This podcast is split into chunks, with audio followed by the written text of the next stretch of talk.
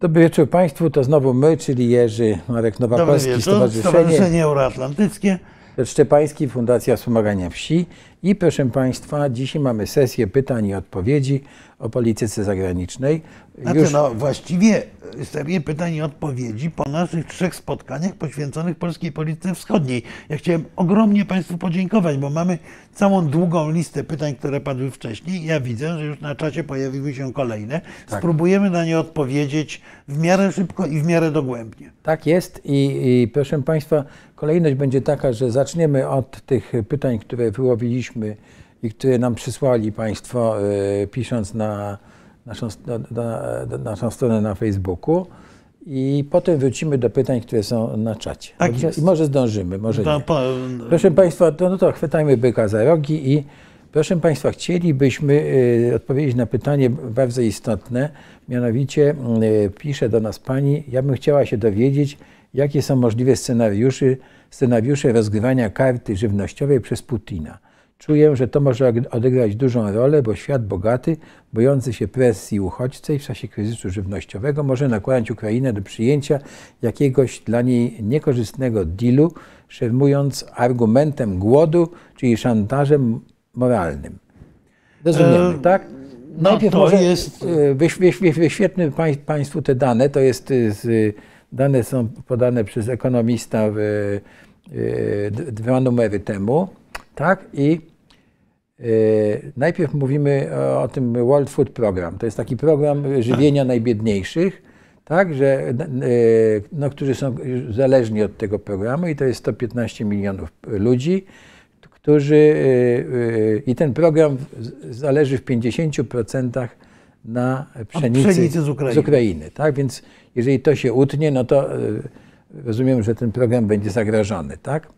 Następnie y, dane są takie, że i Rosja razem z Ukrainą dostarczają 28% y, y, pszenicy. Światowego handlu pszenicą.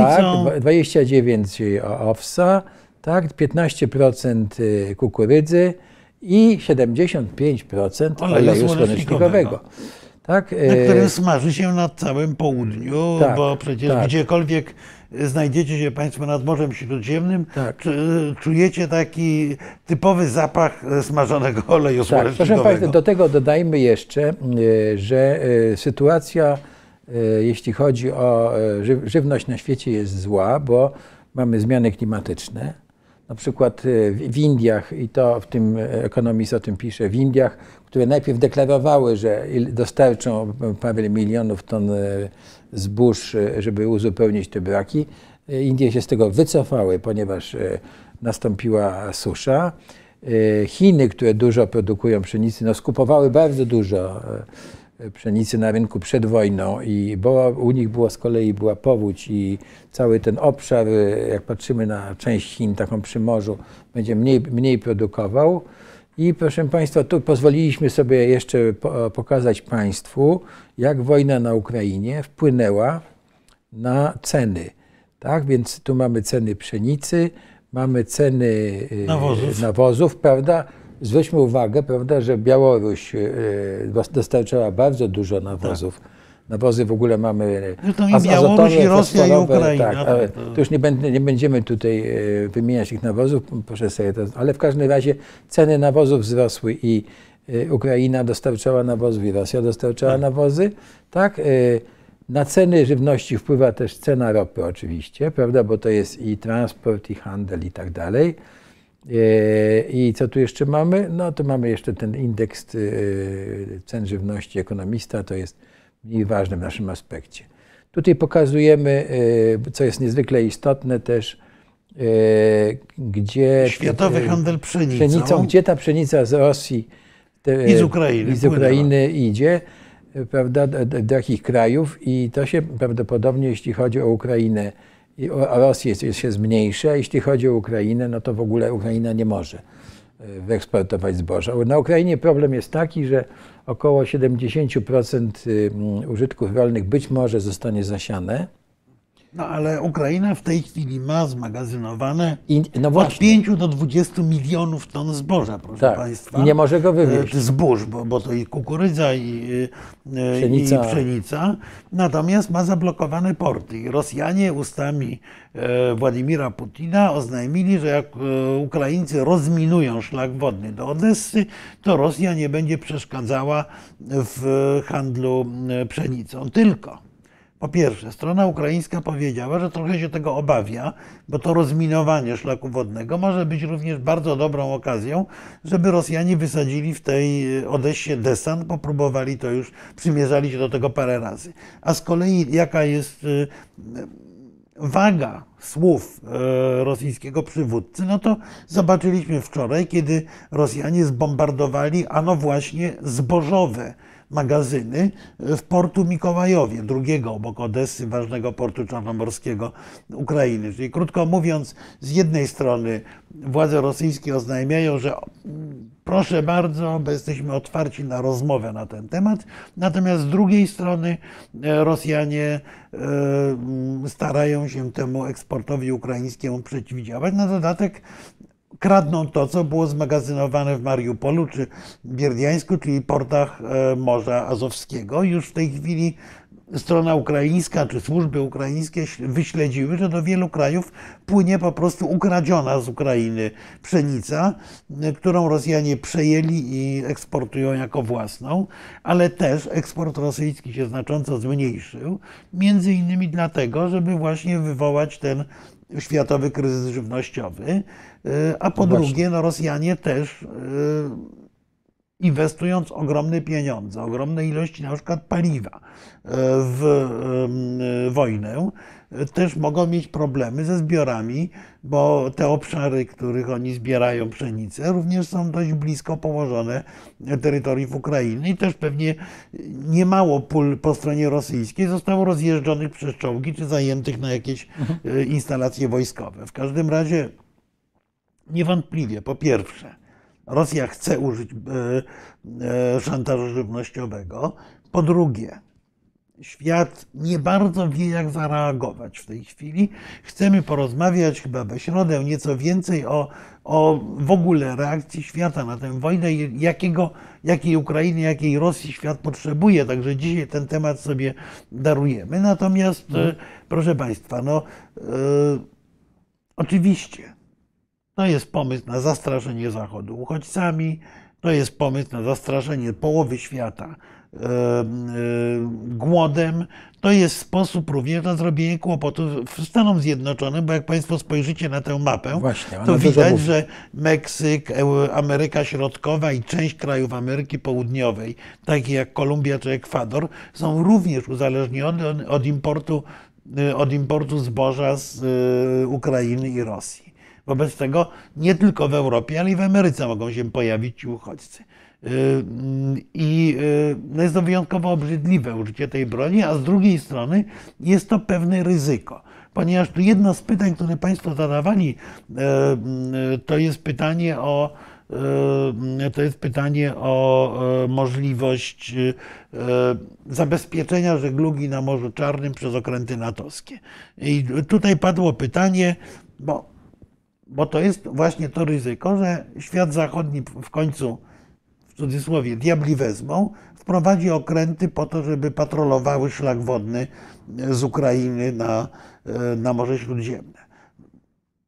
Tutaj padło pytanie od Państwa, że z wejściem okrętów NATO na Morze Czarne y, jest, nie ma różnicy y,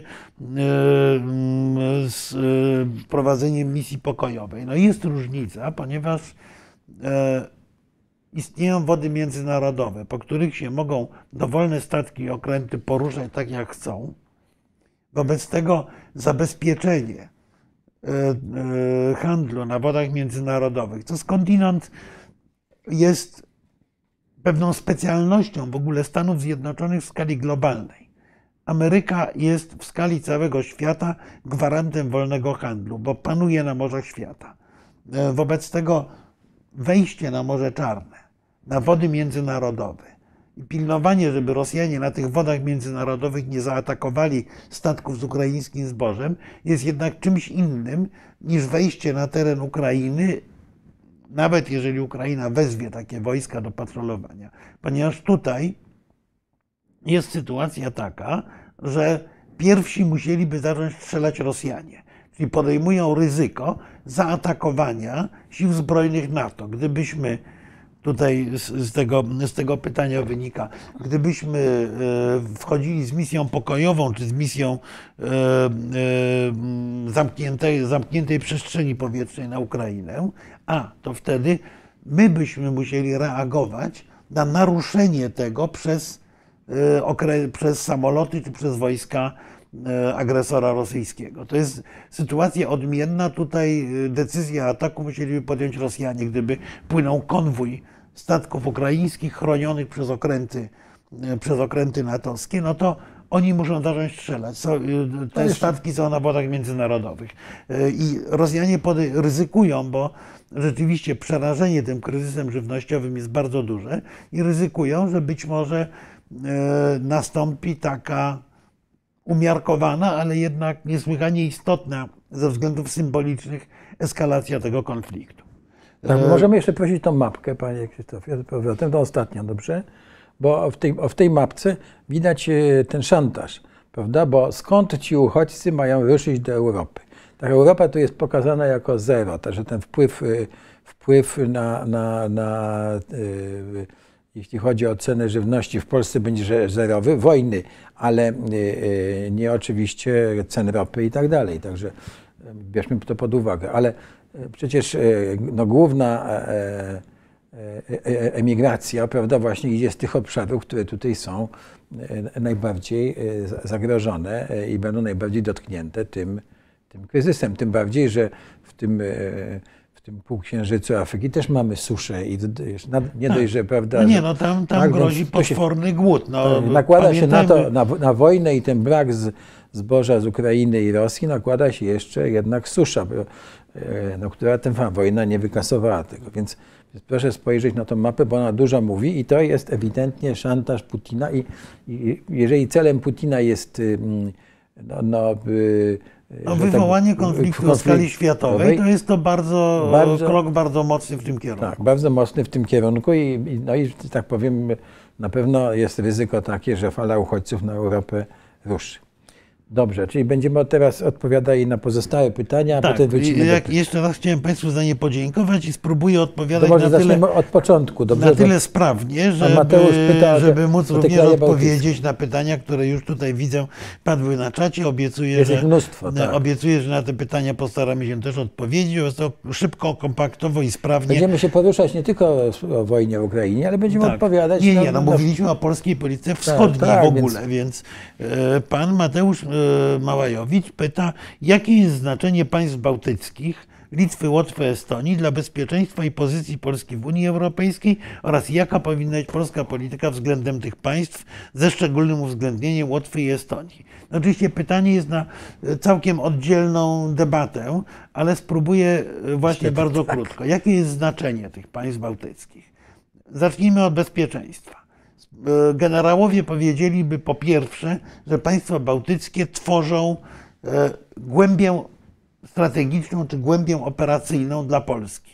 W tym sensie, że e, nie jest możliwy atak na Polskę bez wcześniejszego zagarnięcia przez Rosję państw bałtyckich, najkrócej mówiąc, ponieważ one obciążają całe skrzydło potencjalnie atakujących wojsk, leżą o kilka dosłownie kroków w odległości nieomal strzału armatniego, a na pewno rakietowego z rakiety krótkiego zasięgu od Petersburga i od istotnej części Leningradzkiego Okręgu Wojskowego, czy, czy północnego okręgu wojskowego rosyjskiego.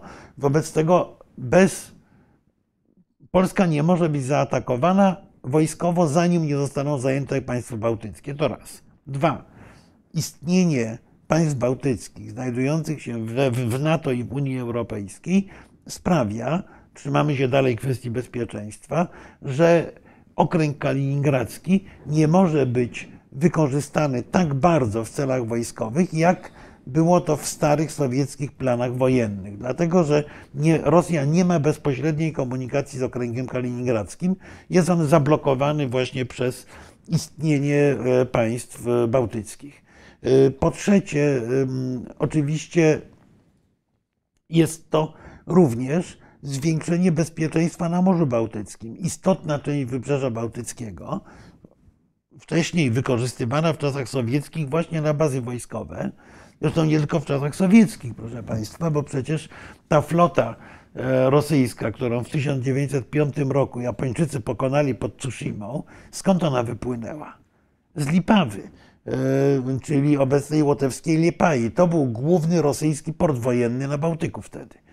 E, w tej chwili w estońskim Paldiski była olbrzymia baza okrętów podwodnych na Łotwie były bazy, były e, bazy radarowe, które pozwalały obserwować całe Morze Bałtyckie. Więc ten bardzo długi odcinek Wybrzeża Bałtyku jest bezpieczny i de facto sprawia, że Rosjanie nie mogą się czuć na Morzu Bałtyckim, nawet w jego wschodniej, wschodniej części, jak u siebie w domu, właśnie dlatego, że no jest, to, e, jest to obszar e, natowsko-unijny.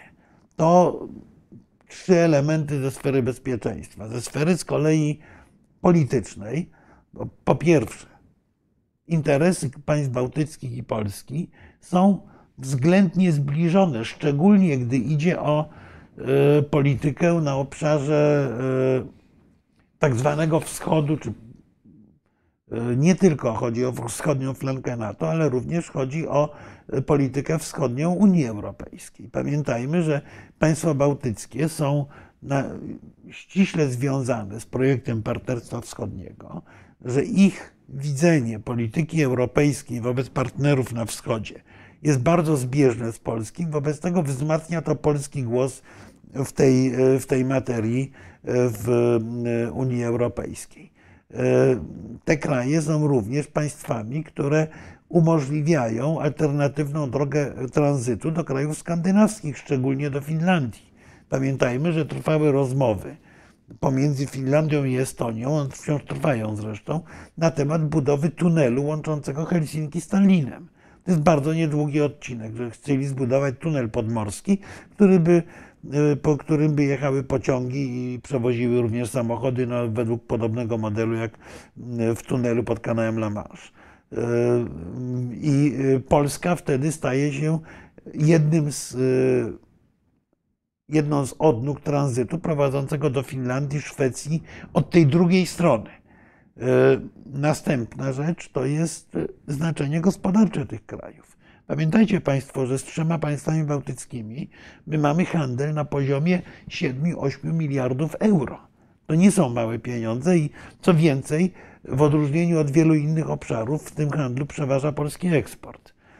Te państwa są państwami, które stanowią alternatywny szlak dostaw surowców energetycznych. Łotwa, o którą Pan pyta, jest krajem, który dysponuje największymi w naszym regionie zbior podziemnymi zbiornikami gazu ziemnego, które mogą stać się no to jest y, wciąż melodia przyszłości, ale już nie tak odległej, bo mamy już łącznik z Litwą, które mogą stać się również pewnym zabezpieczeniem, jeśli idzie o przechowywanie gazu dla całego naszego, dla całego naszego regionu.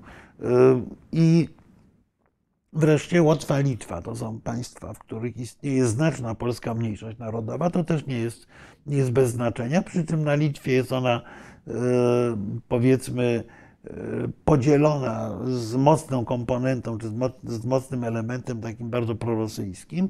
Natomiast na Łotwie jest niewątpliwie mniejszością, która stabilizuje sytuację w newralgicznym regionie Latgalii, czyli regionie, w którym mamy większość y, mieszkańców y, rosyjskojęzycznych. Polacy tutaj y, stoją po stronie łotewskiej politycznie. To jest też istotna rzecz. Wreszcie Estonia jest z kolei bardzo ważnym ogniwem natowskiego systemu bezpieczeństwa cybernetycznego. Łotysze są pionierami, bym powiedział, walki o o cyber, w dziedzinie cyberbezpieczeństwa. Mają znakomicie roz, rozwiniętą, rozwiniętą tę wersję e-państwa, jak, to się czasami mówi. I bez wątpienia współpraca z Estonią z kolei jest dla nas opłacalna ze względu na pewne, na, na pewne czynniki technologiczne. Oprócz tego mamy oczywiście cały duży pakiet interesów politycznych wspólnych e, naszych, e, naszych krajów, e, ale to już jest jakby na odrębny temat, na odrębną rozmowę o państwach bałtyckich. Myślę, że byłaby ona ciekawa i, i być może do niej, jeżeli nasz znakomity gospodarz się zgodzi, w jakimś nieodległym czasie wrócimy. Jasne. E, kolejne pytanie, bardzo krótko. A co będzie, jak Trump wróci do władzy i Amerykanie wyjadą? E, jaka będzie wtedy nasza pozycja? Co z Ukrainą? E, byłaby fatalna, tylko proszę Państwa, ja uważam, że nawet jeżeli Trump wróci do władzy, to Stany Zjednoczone są państwem poważnym. Stany Zjednoczone są państwem, w którym nie, nie decyduje jeden dyktator, to nie jest Rosja. Rola prezydenta jest niesłychanie istotna. Natomiast w Stanach Zjednoczonych istnieje coś takiego, co czasami określa się mianem deep state, głębokiego państwa, struktury biurokratyczne, urzędnicze, yy, parlamentarne, biznesowe, które nie pozwalają temu amerykańskiemu okrętowi tak bardzo zbaczać z kursu. Proszę zwrócić uwagę, że pomimo oczywistych yy, inklinacji prorosyjskich, Donald Trump nie zdołał zmienić polityki amerykańskiej wobec Rosji tak, żeby była to polityka kooperatywna. Przeciwnie, te zgrzyty i napięcia raczej rosły niż, niż malały pod jego władzą. Także myślę, że nieszczęście by się nie stało. Natomiast y, do potencjalnego wyjścia Amerykanów z naszego regionu musimy się przygotowywać w jeden prosty sposób wzmacniać, wzmacniać i wzmacniać jeszcze raz europejską nogę, europejską y, odnogę NATO, y, wzmacniać współpracę europejską, tak żebyśmy mogli, co Amerykanie nam suflują od lat bez względu na to, kto tam rządzi, żebyśmy mogli przejąć my jako Europa, nie jako Polska, większą odpowiedzialność za bezpieczeństwo w naszym regionie w tej chwili bez parasola amerykańskiego i my, i Ukraina y, jesteśmy właściwie bezbronni. Natomiast ten parasol prędzej czy później może się zwinąć, do tego się musimy przygotowywać. Natomiast nie sądzę, żeby zwinięcie tego parasola miało być konsekwencją jednej zmiany na szczytach władzy. E, czy Polska staje się najważniejszym dla USA krajem regionu i zastępuje Niemcy w tej roli? No y, nie. Nie, nie dlatego, że jesteśmy ekonomicznie słabi, dlatego, że na dodatek sobie, jak to się ładnie mówi, nagrabiliśmy w Europie i nasz głos w Unii Europejskiej jest dużo słabszy niż był przed 2015 rokiem. Wobec tego nie mamy ani potencjału gospodarczego, ani potencjału dyplomatycznego. A proszę Państwa, Niemcy y, z dnia na dzień ogłaszają decyzję, że przeznaczą 100 miliardów euro na modernizację armii. No my tyle po prostu nie mamy. No taka jest różnica. Niemcy to jest kraj zwornikowy Europy, kraj o bardzo dużym potencjale właśnie ekonomicznym, dyplomatycznym i w niedługim czasie najprawdopodobniej wojskowym. Wobec tego Polska Niemiec nie zastąpi. Y, mrzonki o tym, że zastąpimy Niemcy, że będziemy tutaj y, krajem absolutnie kluczowym dla Ameryki, są, złudzenie, są złudzeniem. Jesteśmy krajem ważnym, ponieważ jesteśmy krajem w tej chwili położonym na granicy z Ukrainą. Przez Polskę idzie duża część tranzytu do, do, do, do, państwa ukraińskiego. Polska podtrzymuje kontakty ze wschodem, ale to dowodzi jednej rzeczy, którą starałem się przez te trzy wykłady y, powiedzieć, że nasza pozycja na Zachodzie w dużej mierze jest wynikiem tego, jak skuteczną politykę wschodnią prowadzimy dostaliśmy to, mm, to wzmocnienie roli Polski trochę w prezencie od Rosjan. Ale nie łudźmy się, Polska nie jest Niemcami i przynajmniej przez jakiś czas nie będzie. Bardzo chciałbym, żeby Polska mogła zastąpić Niemcy, ale obawiam się, że w perspektywie bliskiej to się nie stanie. E, czy ogłaszanie ścisłych związków z Ukrainą ma sens i jak to może wpłynąć na pozycję polską w Unii Europejskiej? To jest bardzo długi temat, proszę Państwa. I, I on wiąże się z pewnymi znakami zapytania. Po pierwsze, ja muszę powiedzieć, że jak słuchałem wypowiedzi pana prezydenta Andrzeja Dudy w Kijowie, że powinniśmy zawrzeć nowy traktat, a w następnym zdaniu pan prezydent mówi, że będziemy walczyli, żeby Ukraina jak najszybciej weszła do Unii Europejskiej, to uświadomiłem sobie, że to jest opis wewnętrznie sprzeczny. Dlatego, że, proszę Państwa, państwa unijne są w swoich regulacjach traktatowych bardzo mocno ograniczone przez Unię. Więc po pierwsze, jeśli Ukraina wchodzi do Unii Europejskiej, to mamy traktat lizboński, nie potrzebujemy innych traktatów, który reguluje niemal wszystkie elementy naszej współpracy. Jeżeli mówimy, że chcemy podpisywać nowy traktat z Ukrainą, to pamiętajmy, że w całej swojej części gospodarczej, szeroko rozumianej, ten traktat musi być zgodny z regulacjami Unii Europejskiej.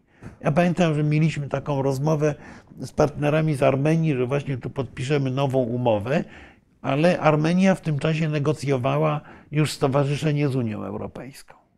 Czy dokładnie po, pogłębioną współpracę, nie stowarzyszenie. No i okazało się, że dopiero wtedy, jak ten nasz traktat dwustronny będzie w pełni pokrywał się w tej swojej głównej części z tym traktatem unijno-ormiańskim, to go możemy podpisać, bo inaczej będzie sprzeczny z naszymi zobowiązaniami unijnymi. Wobec tego te opowieści o y, Federacji Polsko-Ukraińskiej, które prawie coś takiego padło, prawda? Publicyści tak. o tym wręcz piszą. Y, to są opowieści, które mogą oznaczać jedną rzecz tylko, że my wyjdziemy z Unii Europejskiej przez Kijów. To oczywiście jest możliwe, no tylko to by się równało wyjściu Polski z Unii. Gdybyśmy y, na przykład podpisali jakąś federację polsko-ukraińską, to znaczy, że rezygnujemy z członkostwa w Unii Europejskiej w tym momencie. Y, jeżeli z kolei y, Europa zaoferuje Ukrainie, co próbuje w tej chwili szczególnie rząd francuski sugerować, jakieś takie pomniejsze, drugorzędne członkostwo. Ukraina będzie krajem i unijnym, i nieunijnym, no to znowu próba federowania się z takim krajem oznacza tyle, że Polska wychodzi do tego zewnętrznego kręgu y, członków drugiej kategorii. Czy tego chcemy? Nie. Wobec tego na razie, no oczywiście fantastyczna perspektywa. Ja będę chciał o tym mówić y, we środę, bo to, jest, bo, bo to jest ciekawa rzecz o, o tym, że yy, rozpad I Rzeczpospolitej był gigantycznym nieszczęściem geopolitycznym, większym niż rozpad Związku Sowieckiego, dla całego świata, a dla Europy w szczególności. Wobec tego oczywiście zbliżenie polsko-ukraińskie, jakieś, jakieś elementy federacyjne polsko-ukraińskie brzmią niesłychanie atrakcyjnie, ale to jest bardzo długa droga i ta długa droga, proszę Państwa, do Kijowa powinna prowadzić przez Brukselę, a nie przez Kijów na manowce Unii Europejskiej. Tu y, może, może tyle na temat tych ścisłych związków. Bliska współpraca, tak, ale bliska współpraca w ramach Unii Europejskiej i NATO. Proszę Państwa, bez tych dwóch parasoli Polska będzie w sytuacji dokładnie takiej jak Ukraina, być może nie w tym roku, tylko za dwa lata ale będziemy wtedy odsłonięci na wszelkiego rodzaju inwazje, ataki, szantaż i tak dalej. To bardzo ładnie brzmi, jak to jest gra komputerowa w imperializm, natomiast w momencie, kiedy wchodzimy w realną politykę, bliska współpraca tak, federacja jest mrzonką.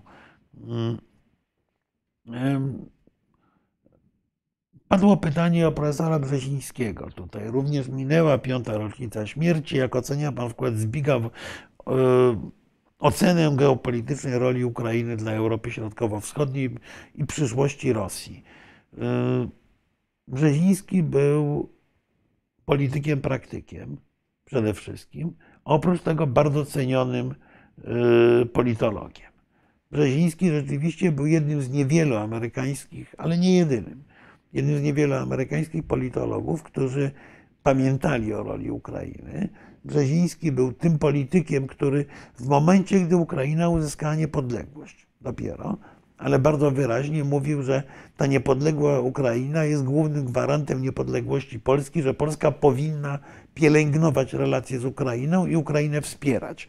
Wobec tego, mówiąc bardzo krótko, Brzeziński rzeczywiście był jednym z promotorów dostrzeżenia w ogóle Ukrainy przez Stany Zjednoczone, bo nie, nie oszukujmy się, w dużej mierze elity waszyngtońskie yy, nie wierzyły w żadną niepodległość Ukrainy, w ogóle w, w to, że Ukraina jest jakimś bytem, który kiedykolwiek się spod rosyjskiego panowania wyrwie.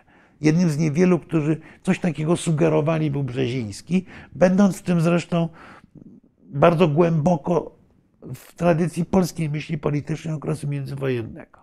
Ale nie tylko Brzeziński, na przykład ogromną rolę w tej dziedzinie odegrała osoba, o której my bardzo rzadko pamiętamy, Włodzimierz Bączkowski. Włodzimierz Bączkowski, który był niesłychanie cenionym w okresie międzywojennym znawcą problematyki sowieckiej, po czym na emigracji był skromnym pracownikiem Biblioteki Kongresu Stanów Zjednoczonych. Aż do śmierci żył bardzo długo, do początku lat 2000, ale w rzeczywistości Włodzimierz Bączkowski był głównym analitykiem CIA do spraw Rosji. I wpływ Bączkowskiego jest kompletnie niedoceniany, a również był ogromny, jeżeli idzie o stworzenie modelu amerykańskiej polityki powstrzymywania. Oczywiście jest ten słynny długi telegram Kenana, który jest fundamentem polityki powstrzymywania.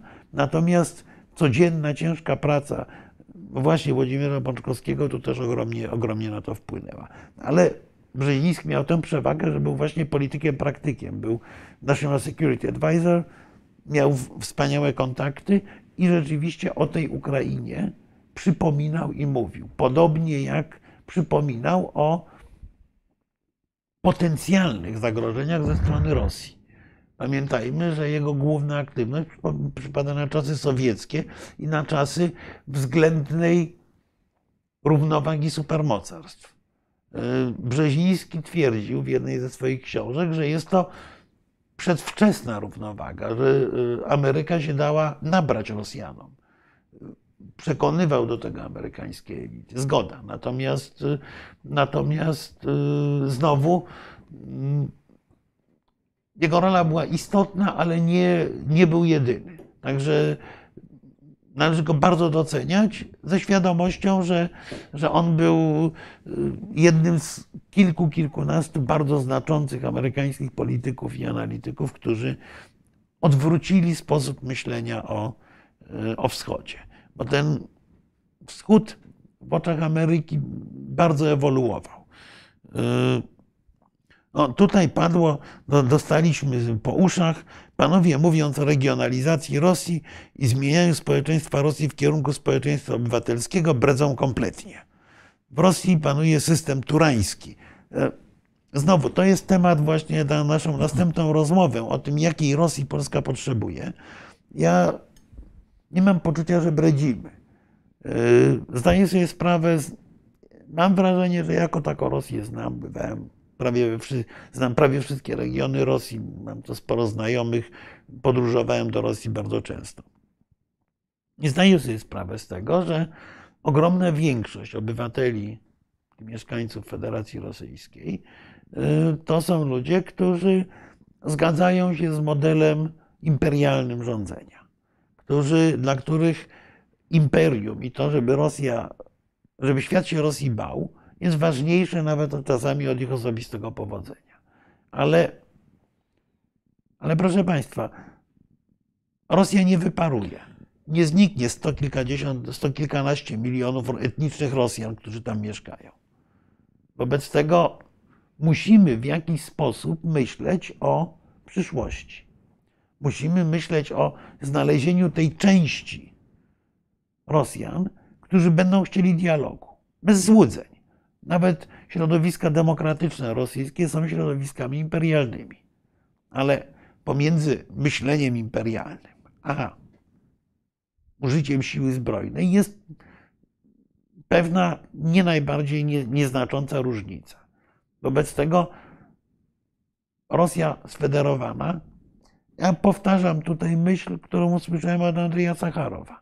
Sacharow miał chyba rację, mówiąc, że państwem tak olbrzymim nie można rządzić z jednego centrum. Bez tego, jeżeli w ogóle Rosja ma szansę na demokratyzację, to ta demokratyzacja musi iść przez realną federalizację, realne rozparcelowanie systemu władzy. Tylko o tym mówiłem. Być może jest to bredzenie, ale nie mam takiego poczucia. Znowu to jest kwestia, do której warto wrócić oddzielnie. Umówiliśmy się z gospodarzem, że będziemy starali się porozmawiać we środę o tym, jakiej Rosji i jakiej Ukrainy Polacy potrzebują. Trochę o ideale, ale, ale może. Tak, ale, ale specjalnie daliśmy to pytanie, żeby nie było, prawda, że tylko wybieramy pytania tak. wygodne. Natomiast e, je, jeżeli autor tego pytania uważa, że bredzimy, no trudno. To niech polemizuje z nami. Znaczy, chętnie, ja uważam, że to jest troszkę inwektywa, ale tak, niech, da, jest, niech poda argumenty. Tak, prawda? Y, czemu y, panowie nie mówicie o Trójmorzu? No bo Trójmorze nie jest częścią polityki wschodniej. Trójmorze jest częścią polityki europejskiej, bo to miało być lobby wewnątrz Unii Europejskiej, y, więc dlatego nie mówiliśmy o Trójmorzu. Y, ja Trójmorza nie lubię, uważam, że to była koncepcja trochę chybiona, y, ale to, to wymagałoby długiego dowodzenia, a, a dzisiaj, a dzisiaj hasamy po wschodnich dzikich polach. Potrzeba istnienia wielkiej Rosji wśród elit europejskich historycznie pogłębmy temat. Środa. Środa dobra. Bo to, to zdecydowanie jest znowu, mhm. znowu ta kwestia. Tak, w, w, Europie jest to myślenie, i tu zresztą to, to pytanie też się pojawiło, e, że Rosja jest czynnikiem równowagi. Ja jestem przekonany, że Rosja jest czynnikiem nierównowagi w Europie. Właśnie o to chodzi. Bo w pewnym momencie, jak były takie rozmowy w czasach Jelcyna, czy Rosja może dołączyć się do Unii Europejskiej.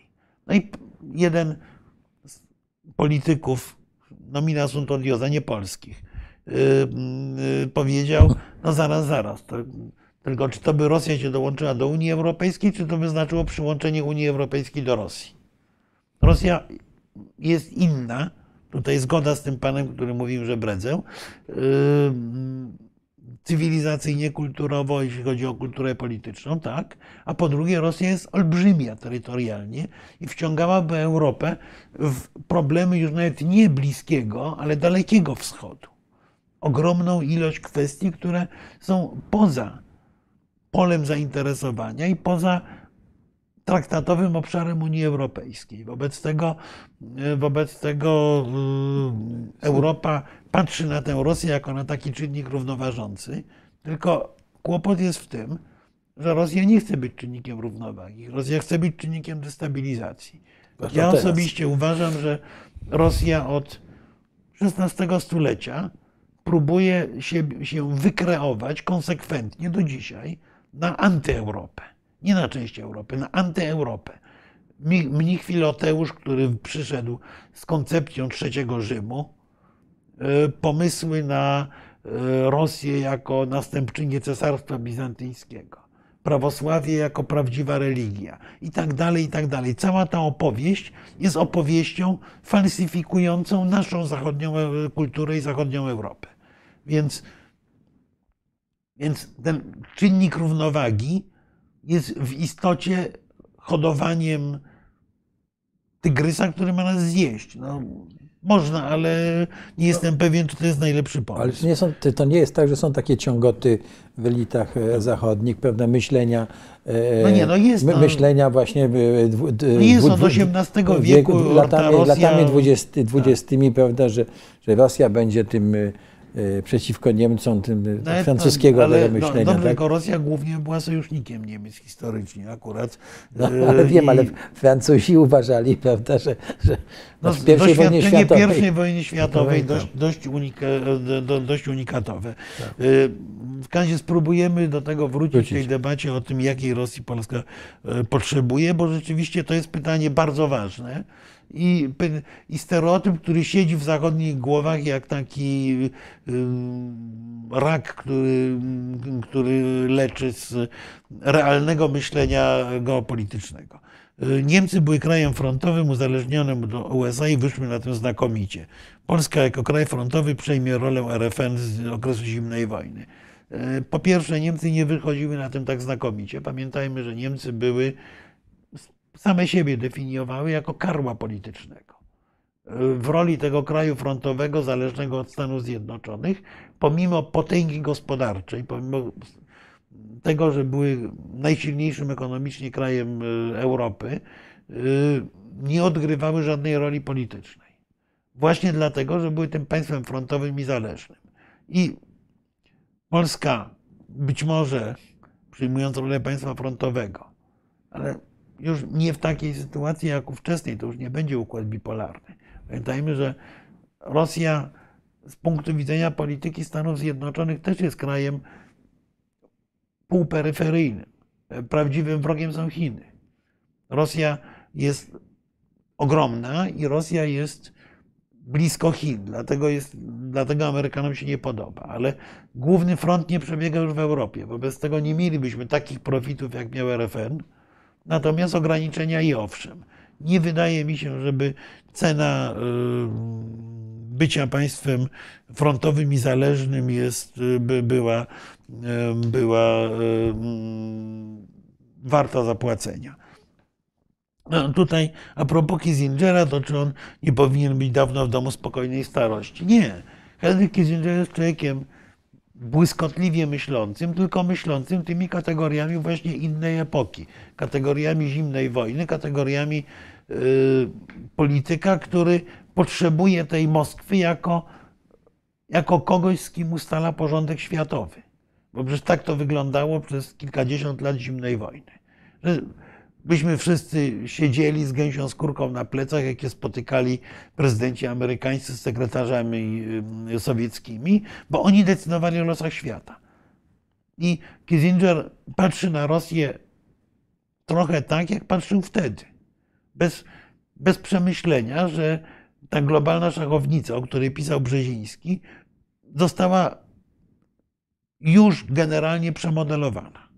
Więc y, wydaje mi się, że raczej, raczej należy patrzeć na y, Henry Kissingera jako na błyskotliwego, inteligentnego dyskutanta, który porusza się w sferze wciąż bardzo popularnych stereotypów. Jest to, jego wypowiedzi są pewnym sygnałem niedobrym, że ludzie nawet bardzo mądrzy nie potrafią uciec z tej rzeczywistości, którą, w, w, którą kiedyś znali. Słuchaj, ale w dyplomacji y, Kissinger pisał o wojnie 1920 roku. No wiesz co, prawda, że to była e, rozbijacka i, Tak. i, i taka e, no, e, łobuzerska polityka Polski, która sprowokowała tę wojnę, prawda? I tylko dzięki Francji i Anglii udało się prawda, no tych tak, no Rosjan bo- za, zatrzymać. No bo ta opowieść y, była niesłychanie, Mocna. niesłychanie modna, w, Modna, tak. i obecna w zachodnim sposobie myślenia.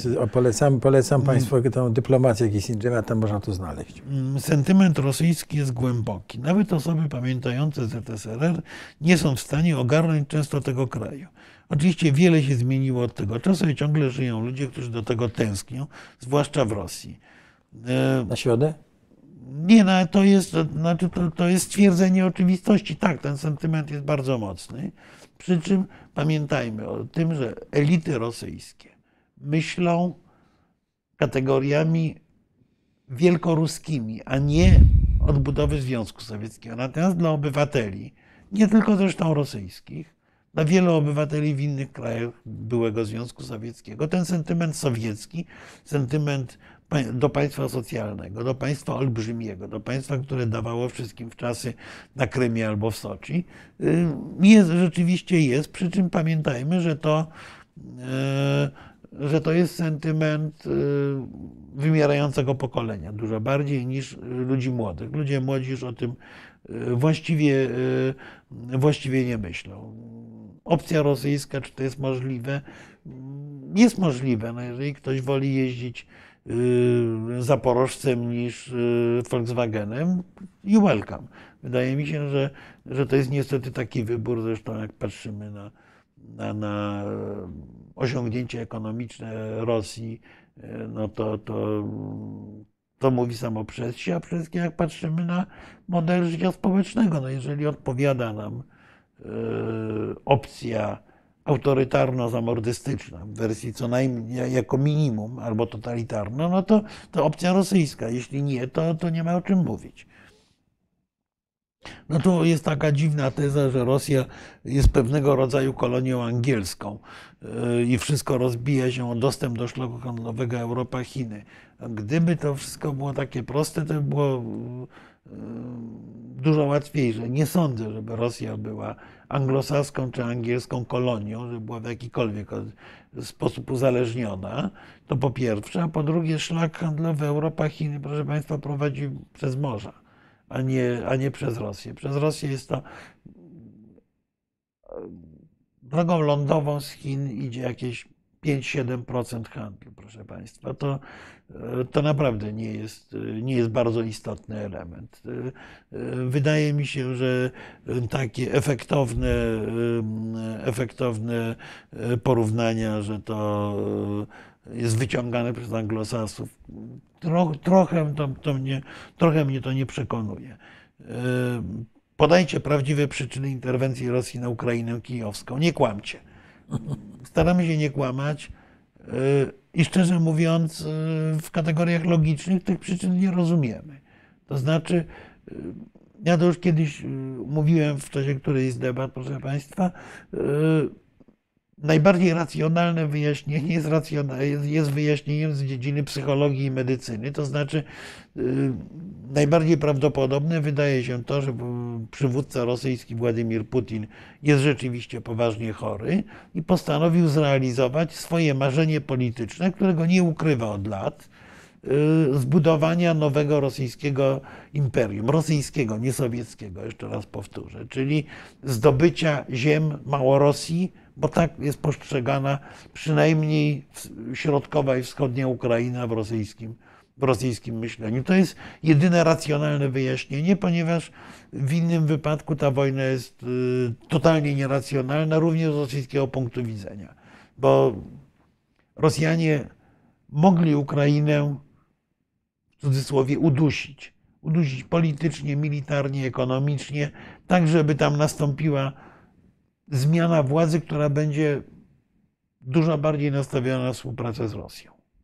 Natomiast myślę, że y, po prostu władze rosyjskie postanowiły przyspieszyć bieg historii, y, wierząc we własną propagandę, że Ukraińcy to Rosjanie, a y, Ukraina natychmiast się podda i podjęli durne ryzyko nieracjonalne politycznie, ale jakoś tam racjonalne w kategoriach emocji. Chyba to jest jedyny powód tej agresji, ponieważ innego nie ma. No niewątpliwie Rosja, Rosja i Rosjanie nie wierzyli, nie wierzą w to, że istnieje Ukraina i naród ukraiński. Co do tego nie ma sporu.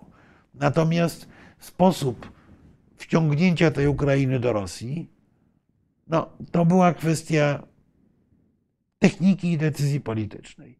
Wydaje mi się, że wydaje mi się, że tu przeważyły emocje albo kompletnie, albo kompletnie nieprawdziwa, nie, nie, nieprawdziwa informacja. Jeżeli zadający to pytanie oczekuje na to, że powiem, że to światowy spisek amerykański, żydowski czy jakikolwiek inny wciągną Rosję w wojnę z, przeciwko Ukrainie, no to, to, to niestety tego typu tezy nie uważałbym za prawdziwą. Interesem Ukrainy jest ściągnąć Zachód i Polskę do wojny, to prawda. E, a czy jest to polski interes być wciągniętym w wojnę? Pomyślmy. Rosja nie upadnie, Ukraina nie będzie przyjacielem Polski, co już powinniśmy dawno zrozumieć. E, pozwolę sobie zachować nieelegancko i odpowiedzieć pytaniem na pytanie, a dlaczego nie będzie przyjacielem Polski? Proponuję lekturę przedwojennych, porządnych publikacji y, Adolfa Bocheńskiego, czy w ogóle publikacji z kręgu y, czy Instytutu Badań Wschodnich, czy, y, czy Giedroycia, czy Prometeistów. Tam wszędzie pojawia się kwestia niepodległości Ukrainy jako elementu kluczowego dla Polski i Ukrainy jako potencjalnego sojusznika Polski. Naj, najdokładniej rozpatrywał to Adolf Bocheński, mimo kompletnie odmienionych, czy znacząco odmienionych realiów geopolitycznych, ogromna część jego rozważań jest aktualna. Wobec tego dlaczego Ukraina ma nie być przyjacielem Polski. To, to, to jest założenie a prioryczne, yy, zupełnie, zupełnie nieuzasadnione. Yy, natomiast, yy, natomiast czy polskim interesem jest być wciągniętym w wojnę? Nie. Natomiast polskim interesem jest to, żeby istniała silna, niepodległa i prozachodnia Ukraina, Mołdawia, Białoruś, dlatego że kluczowe dla Polski jest to, żeby imperializm rosyjski został odepchnięty od y, jak najdalej od naszej wschodniej granicy. To jest teza naszej debaty, którą sobie planujemy na środę, a mianowicie, że nie miał racji Władimir Putin, kiedy mówił, że największym nieszczęściem geopolitycznym y, był rozpad Związku Sowieckiego, ponieważ największym nieszczęściem geopolitycznym dla Europy był upadek I Rzeczypospolitej. Powstała próżnia, która wciągnęła Rosję do polityki europejskiej. I niepodległa, Ukra... niepodległa, niezależna prozachodnia Ukraina i prozachodnia Białoruś oznaczają, że znowu ta próżnia geopolityczna zostaje w jakiś sposób wypełniona. Europa jest, Rosja jest oddalona od Europy. Rosja musi sama się zreformować i zdecydować się, gdzie jest. Bo Rosja próbowała Europę przerobić, tak jak powiedziałem, była antyeuropą, próbowała e, Europę przerobić na swoją modłę albo schołdować. E, istnienie grupy niepodległych, silnych państw na tak zwanym pomoście bałtycko-czarnomorskim to niebezpieczeństwo od Polski, ale i od całej Europy oddala. Więc Polska nie powinna być wciągnięta w wojnę. Nie chcemy, żeby była wciągnięta w wojnę. Natomiast wo wojna tocząca się w Ukrainie jest wojną o przyszłość Europy, co najmniej, jeżeli nie, jeżeli nie świata, właśnie w odniesieniu do tej antyeuropejskiej y, koncepcji y, państwa, y, państwa rosyjskiego. No to nam zwracali uwagę, że mówić na Ukrainie, nie w Ukrainie, znaczy to, ale jest oboczność. Znaczy ja, ja lubię, wolę, bliższe językowi polskiemu jest mówienie na Ukrainie. W okresie wojennym zaczęliśmy mówić w Ukrainie jako pewien gest szczególnej sympatii wobec partnerów ukraińskich. Ja sam w naszych spotkaniach, Państwo pewnie zauważyli, wymiennie używam obu tych form bliższe duchowi polskiemu, języka polskiego jest na Ukrainie, ale y, z kolei politycznie poprawniejsze jest w Ukrainie. Y, tam, czyli w Rosji, jak rozumiem, o Chinach mówiło się żółte niebezpieczeństwo. Y, jaki jest stosunek Rosjan do Chińczyków i Rosji do Chin w kontekście rasowym czy imperialnym? No, proszę Państwa, znowu bardzo krótko. Rosjanie oczywiście E, mają takie pewne poczucie wyższości wobec Chińczyków, z wzajem, pełną wzajemnością, bo Chińczycy mają wobec i Rosjan, i nas wszystkich głębokie poczucie własnej wyższości. W każdym razie to poczucie wyższości, właśnie gdzieś tam zbudowane, być może nawet na pewnym modelu rasistowskim, e, to poczucie wyższości sprawia, że Rosjanie boją się mniej Chin niż powinni. To nie jest kwestia żółtego niebezpieczeństwa, oczywiście. To jest ta, ta opowieść y, sprzed 100 lat mniej więcej o tym żółtym niebezpieczeństwie, które się gdzieś czai. Natomiast jest to niewątpliwie e, zagrożenie pełną wasalizacją ekonomiczną Rosji przez Chiny. Bo Rosja wchodząc w fundamentalny, chyba już nierozwiązywalny spór ze światem Zachodu, ryzykuje, że będzie dla Chin y, wasalem, czyli młodszym bratem, ale tu kiedyś profesor Jelonek w naszych rozmowach mówił, że w chińskim rozumieniu, czy w chińskiej narracji politycznej młodszy brat oznacza de facto satelitę. I uzależnienie gospodarcze Rosji od Chin będzie się pogłębiać. Jest decyzją samych Rosjan, w którą stronę iść. Ich pewna pogarda wobec Chińczyków, rzeczywiście coś takiego jest, powoduje, że oni się być może trochę za mało boją tego, no ale to Dopiero zwykle społeczeństwa uczą się, czy, czy zmieniają stereotypy y, w wyniku doświadczeń, niestety najczęściej, najczęściej przykre, y, przykrych. Dlaczego Rosji tak ciągle wybacza się łamanie traktatów? Y, Bardzo dobre pytanie. Znaczy, głównie dlatego, że jest duża i, i ma bomby atomowe, tak naprawdę. A, a oprócz tego, właśnie jest to, o czym mówiliśmy wcześniej, czyli to zakodowane w głowach bardzo wielu polityków Zachodu, poszukiwanie Rosji jako tego balansu, tego elementu równowagi globalnej. Bez świadomości, że y, elementem równowagi nie może być y, czynnik, który tę równowagę stara się na wszelkie możliwe y, sposoby zburzyć. I tutaj pada takie pytanie, czy to nasza wojna? No, starałem się udo- udowodnić, że jest to nasza wojna. To egzystencjalnie wojna dla nas. Bo no, sentyment rosyjski jest głęboki. Nawet osoby pamiętające, czasy SRR nie są w stanie ogarnąć często tego kraju. Oczywiście wiele zmieniło się od tego czasu i ciągle żyją ludzie, którzy do tego tęsknią, zwłaszcza w Rosji. Za- Zastanówmy się, ilu Rosjan uważa Stalina za bohatera. Powinno nam to, to coś mówić. No mówi. Mówi y, właśnie o takim podwójnym sentymencie. Sentymencie za obecnym również w Polsce, proszę Państwa, dla, dla, wobec czasów PRL-u przecież wielu ludzi, bo, bo czuli się bezpieczniej, spokojniej.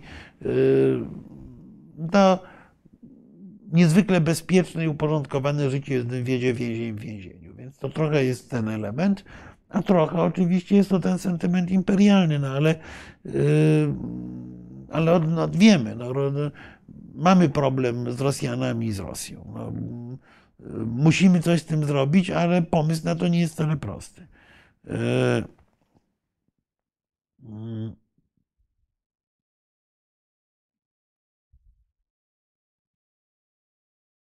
Panom, panom brakuje odwagi, albo jednak naprawdę przedkładacie wytyczne. Kto jest naszym pracodawcą? Chyba musimy odpowiedzieć coś, nie coś, dla te- dlaczego to robimy. Kompletnie nie rozumiem pytania. Eee, Ja rozumiem, że tutaj y, jest element krytyczny, że my mówimy, że Rosja zdemolowała akt stanowiący Rosja NATO, a, y, a, a w rzeczywistości tak nie jest. No, Jest- pozostańmy przy swoich zdaniach, bo, No bo to jest. Moim zdaniem to jest pytanie, że jaki, jakiś nas, nasz pracodawca nam wytycza, co mamy Tak, no. mówić. No, na szczęście nam nie wytycza. Tak. E, Mówimy absolutnie, co chcemy. To znaczy mówimy to, nadzieję, co nam e, nasz, że tak powiem, rozum dy- dyktuje. Tak? I, No tak, to, co, uwa- to, co uważamy za prawdę, Tak, tak. to, co uważamy za prawdę i, i e, myślę, że dość często jest to mówienie nieortodoksyjne w stosunku do tego, co jest taką powszechną e, narracją.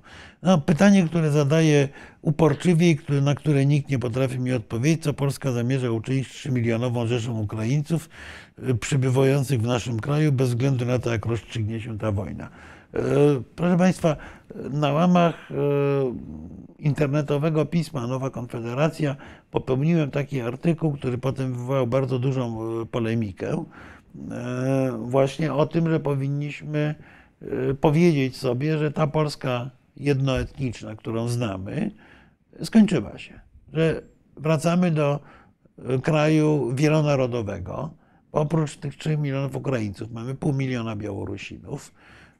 To się może jeszcze zmienić, że musimy nauczyć się odpowiadać na pytania i problemy związane z posiadaniem dużej mniejszości narodowej. Y, To niewątpliwie jest zadanie i dla państwa, i dla społeczeństwa. Niewątpliwie powinniśmy y, już dzisiaj, jako państwo, przygotować programy integracji społecznej y, Ukraińców, którzy do Polski przybyli, głównie Ukrainek. To z punktu widzenia interesu polskiego może być, nie zawaham się powiedzieć, dar od Pana Boga. Bo od lat płaczemy słusznie nad klęską demograficzną Polski. Otóż połowa uchodźców z Ukrainy, czy prawie połowa, to jest młodzież i dzieci. Czyli krótko mówiąc, nie za 40 miliardów na 500 plus, tylko za darmo dostaliśmy całe pokolenie młodych ludzi, z których znaczna część może w Polsce pozostać, jeżeli stworzymy do tego sensowne warunki. nie asymilując ich na siłę, tylko właśnie integrując do polskiego życia społecznego, szanując ich ukraińskość, a nie przerabiając ich z dnia na dzień na Polaków, co zdaje się trochę, część polityków ma takie pomysły. To jest rzeczywiście ogromny problem, ogromna szansa i państwo, klasa polityczna powinna na to odpowiedzieć. Naszym Naszym zadaniem jako komentatorów, y, uczestników debaty publicznej jest przypominanie o tym, że to jest sprawa niesłychanie pilna. Tak, pełna zgoda. Natomiast y, bez takiego programu możemy mieć ogromny problem z tymi kilkoma milionami, y, kilkoma milionami Ukraińców i Białorusinów, którzy, którzy do, Polski, do Polski przybyli. Tutaj pada pytanie też trochę nie ze wschodu, ale króciuteńko się odniosę. Premier Morawiecki słusznie powiedział o Norwegii. Ja, Panowie, ja, nie ja rozumiecie. Proszę? To ja, ja powiedziałem, że nie rozumiem tak. tych zachowania. O co chodzi, bo tu Norwegia w obecnej sytuacji nie wiadomo, nie wywindowała cenę gazu. Co, czy to przekracza panów inteligencję? Lecicie panowie narracją PO i TVN, którzy to słowa premiera przedstawiają jako niepoważne. To poważny temat. Tak, święte słowa, to poważny temat. Tylko tylko poważny polityk, a takim powinien być premier rządu, nie powinien zachowywać się niepoważnie, mówiąc yy, tego typu słowa w sytuacji, kiedy zawaliliśmy. To nie jest narracja TVN-u, tylko narracja yy, byłego ministra gospodarki rządów Prawa i Sprawiedliwości. Całkowicie zawaliliśmy negocjacje w sprawie gazu. Nie mamy wynegocjowanego gazu z Norwegii Y, a od października będziemy go potrzebowali. Wobec tego albo będziemy pompowali naszym pięknym rurociągiem Baltic Pipe powietrze, albo będziemy pompowali koniec końców rosyjski gaz z Niemiec za większą cenę, bo na razie y, nikt w polskich władzach nie podjął poważnych negocjacji z partnerami umowy. norweskimi. Nie ma umowy, nie ma kontraktu. Yy, wobec tego, co z tego, że jest rura? No, PGNiG, świeże, świeże powietrze z nad Morza Północnego, można ją pompować, ale ono, ono nie, nie zadziała. Wobec tego w tej sytuacji konfliktowanie Norwegów może oznaczać dwie rzeczy. Albo premier Morawiecki się wygłupia, albo wie, że nie uda się wynegocjować dobrego kontraktu i chce stworzyć wrażenie, że to ci wstrętni Norwegowie się obrazili za jakieś jego pojedyncze słowa. Trzeciego wyjaśnienia racjonalnego tego wszystkiego nie widzę. Natomiast e, e, z tym powiedzeniem, że słusznie przywalił. Otóż, proszę Państwa, e, Polska nie jest supermocarstwem. Jesteśmy krajem średniej wielkości, który musi nieustannie negocjować, negocjować, negocjować z partnerami o porównywalnej, czasami większej, czasem nieco, nieco mniejszej sile, ale negocjować tak, żeby wszyscy byli zadowoleni. Wobec tego prowadzenie polityki takiej, jak prowadzą Rosjanie, czyli walenia pięścią w stół i straszenia wszystkich, jest najgłupszym możliwym najgłupszym możliwym y, Tak, powinniśmy przywalać przy stole tak. negocjacyjnym, a nie w telewizji. No tutaj oczywiście jeszcze jest łajdactwo zachodniej liberalnej demokracji pod przewodnią rolą USA polega na tym, że 10% obywateli świata posiada 80% bogactwa, y, a 90% ma 20% ochłapów. Nasz świat jest głodny, i tak dalej, i tak dalej, no, zapędzony w neokolonializm, gdzie najbogatszymi są obywatele USA. To hańba tego rodzaju narzuconej przez USA demokracji. E, o nierównościach we współczesnym świecie popełniono dziesiątki książek, nie będę się ścigał z Pikettem czy, czy Hararim na dyskusję o ten temat. Jest to, na, na ten temat. Jest to problem, owszem, tylko czy to jest efekt demokracji? Jakoś tak się głupio składa, proszę Państwa, że te kraje, w których jest demokracja, a jest ich niewiele, to jest niewiele krajów w skali świata. 30, 40 w porywach. To jest wszystko. Jakoś dziwnie te kraje demokratyczne są najbogatsze. A te, w których, które biją pięścią w stół, nie zgadzają się na ten wstrętny dyktat amerykański, są jakoś dziwnie biedne. Yy, I obywatele nie czują się w nich najlepiej, a, jakoś, a z kolei dziwnie często lądują w więzieniach czy obozach. Yy, więc, więc no, dyskusja o tym, o, o, o, liberalnej demokracji jest dyskusją, którą przed y, y, stuleciem spuentował Winston Churchill, mówiąc, że demokracja jest najgorszym możliwym ustrojem, głupim, nieefektywnym, tylko jeszcze do tej pory niczego lepszego nie wymyślono. I tyle. No dalej jest długi wywód. Y, mamy tak, jest długi wywód. Sympatycznie ludzie lubią yy, słycha, no, słuchaj Nowakowskiego, a kończy się to polskie elity i społeczeństwa nie dorosły do daru niepodległości i umiały tylko zamienić uzależnienie od ZSRR na nowe, nie mniej silne, przy którym elita macha ogonem na pokaz.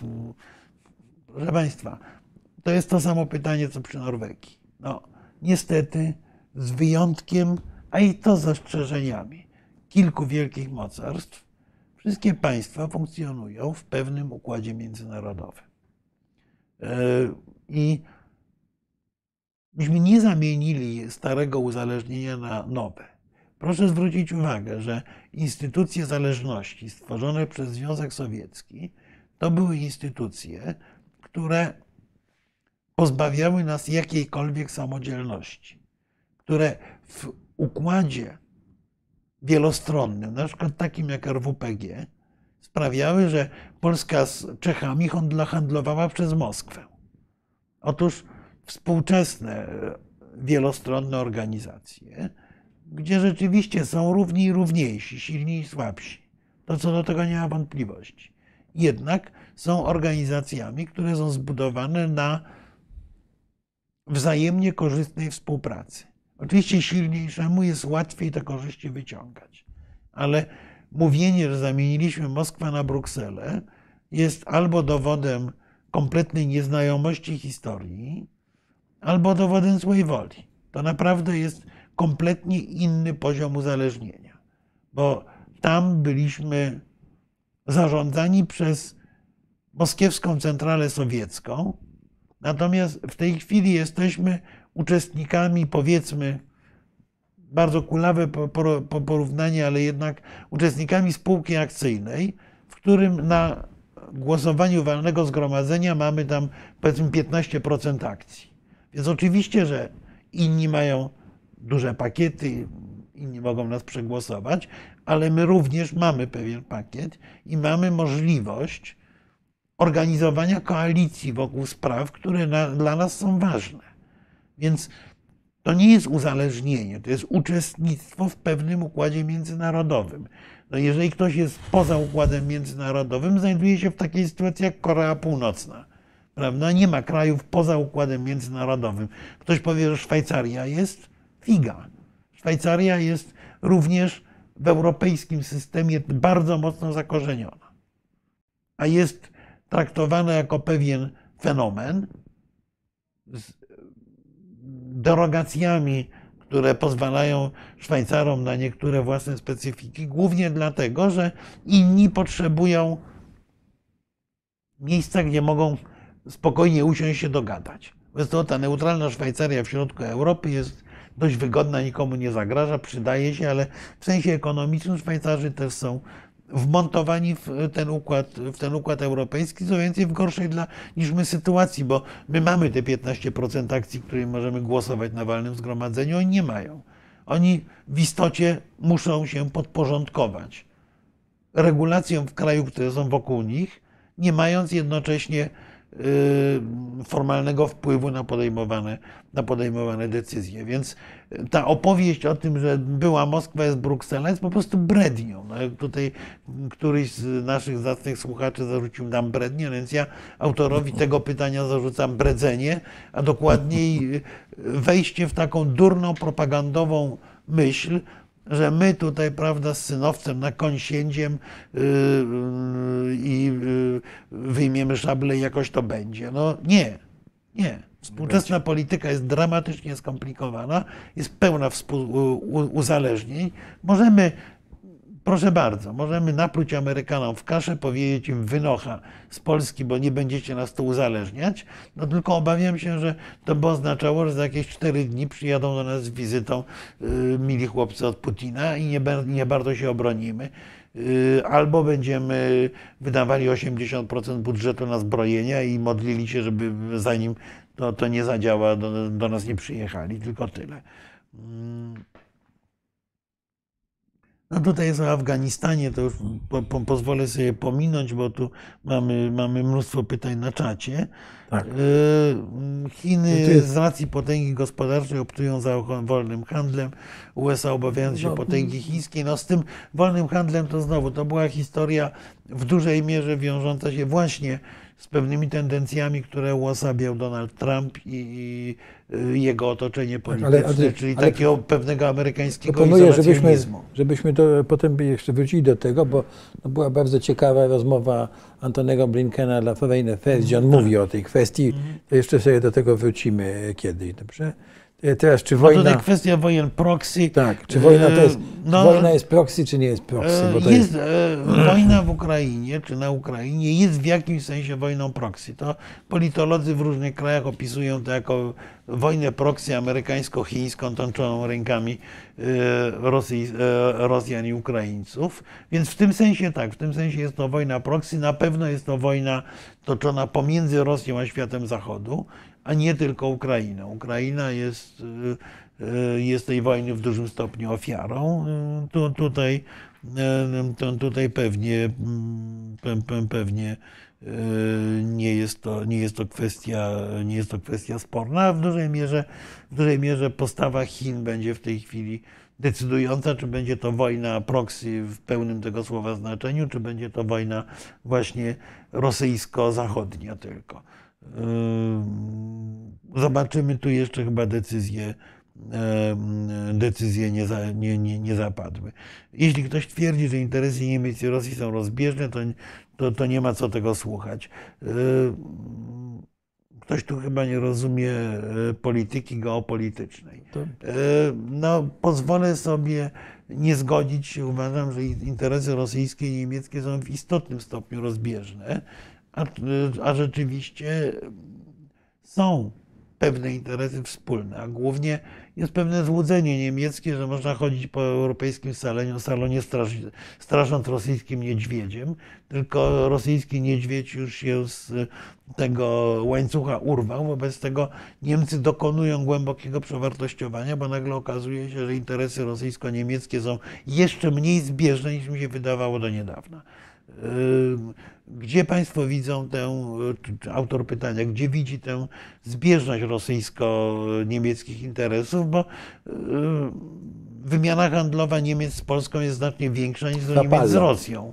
W układzie Rapallo widzi pewnie, wiesz. Nie, no tak, no, ale, ale gdzie są te interesy? Niemcy są zintegrowane ze światem Zachodu, Niemcy na tym, na tym że są w środku Zachodu, niebywale dużo korzystają i y, Niemcom zależy na stabilizowaniu systemu i zarabianiu pieniędzy. Rosji zależy na rozburzeniu systemu. Nie widzę w tej chwili tych wspólnych interesów. To jest zupełnie inna sytuacja niż ta była to jest kompletnie, kompletnie jest... Y, dlaczego Jakucja boi się Chin? Bo boi się? Boi się, boi się Chin. Rzeczywiście, ja tu przywoływałem przykład rozmów z władzami Jakucji, mhm. które mówiły, że no, parasol moskiewski jest y, głównie ochroną przed Chinami. Boją się no, dla, no, dlatego, że mają od, przykład Ujgurów na przykład. No. Mają przykład Ujgurów, a poza tym no, od tysiąca lat, czy od paru tysięcy lat, narody i społeczeństwa y, Azji Wschodniej y, nieustannie walczą o przeciwko dominacji chińskiej, a Chiny z kolei starają się te nacje od, też od stuleci zdominować. To, ta historia, pewne stereotypy są niesłychanie mocne w myśleniu politycznym. Poza tym, no Jakutów jest milion, a Chińczyków półtora miliarda. Wobec tego e, w oczywisty sposób oni się obawiają agresji, agresji cywilizacyjno-kulturowej Chin. Proszę pamiętać, że oni, tak jak w tym stereotypowym obrazku Polska-Niemcy. Polacy boją się Niemców, czy bali się Niemców. Wielu się boi do dzisiaj, niesłusznie chyba, bo obawiali się, że Niemcy nas zgermanizują, a Rosjan boimy się, bo mogą nas ewentualnie pozabijać i, i najechać. Natomiast nie obawiamy się Rosjan jako narodu, który nas zdominuje cywilizacyjnie.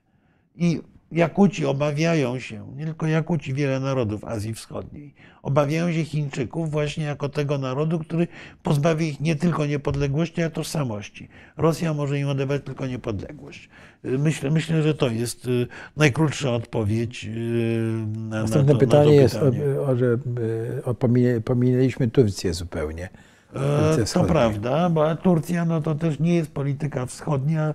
Kwestia Turcji to jest kwestia rosyjskiej gry na odciąganie Turcji od NATO. Głównie to jest elementem rosyjskiej gry wobec Turcji. Rosjanie rzeczywiście e, próbują angażować Turków e, w e, jakieś takie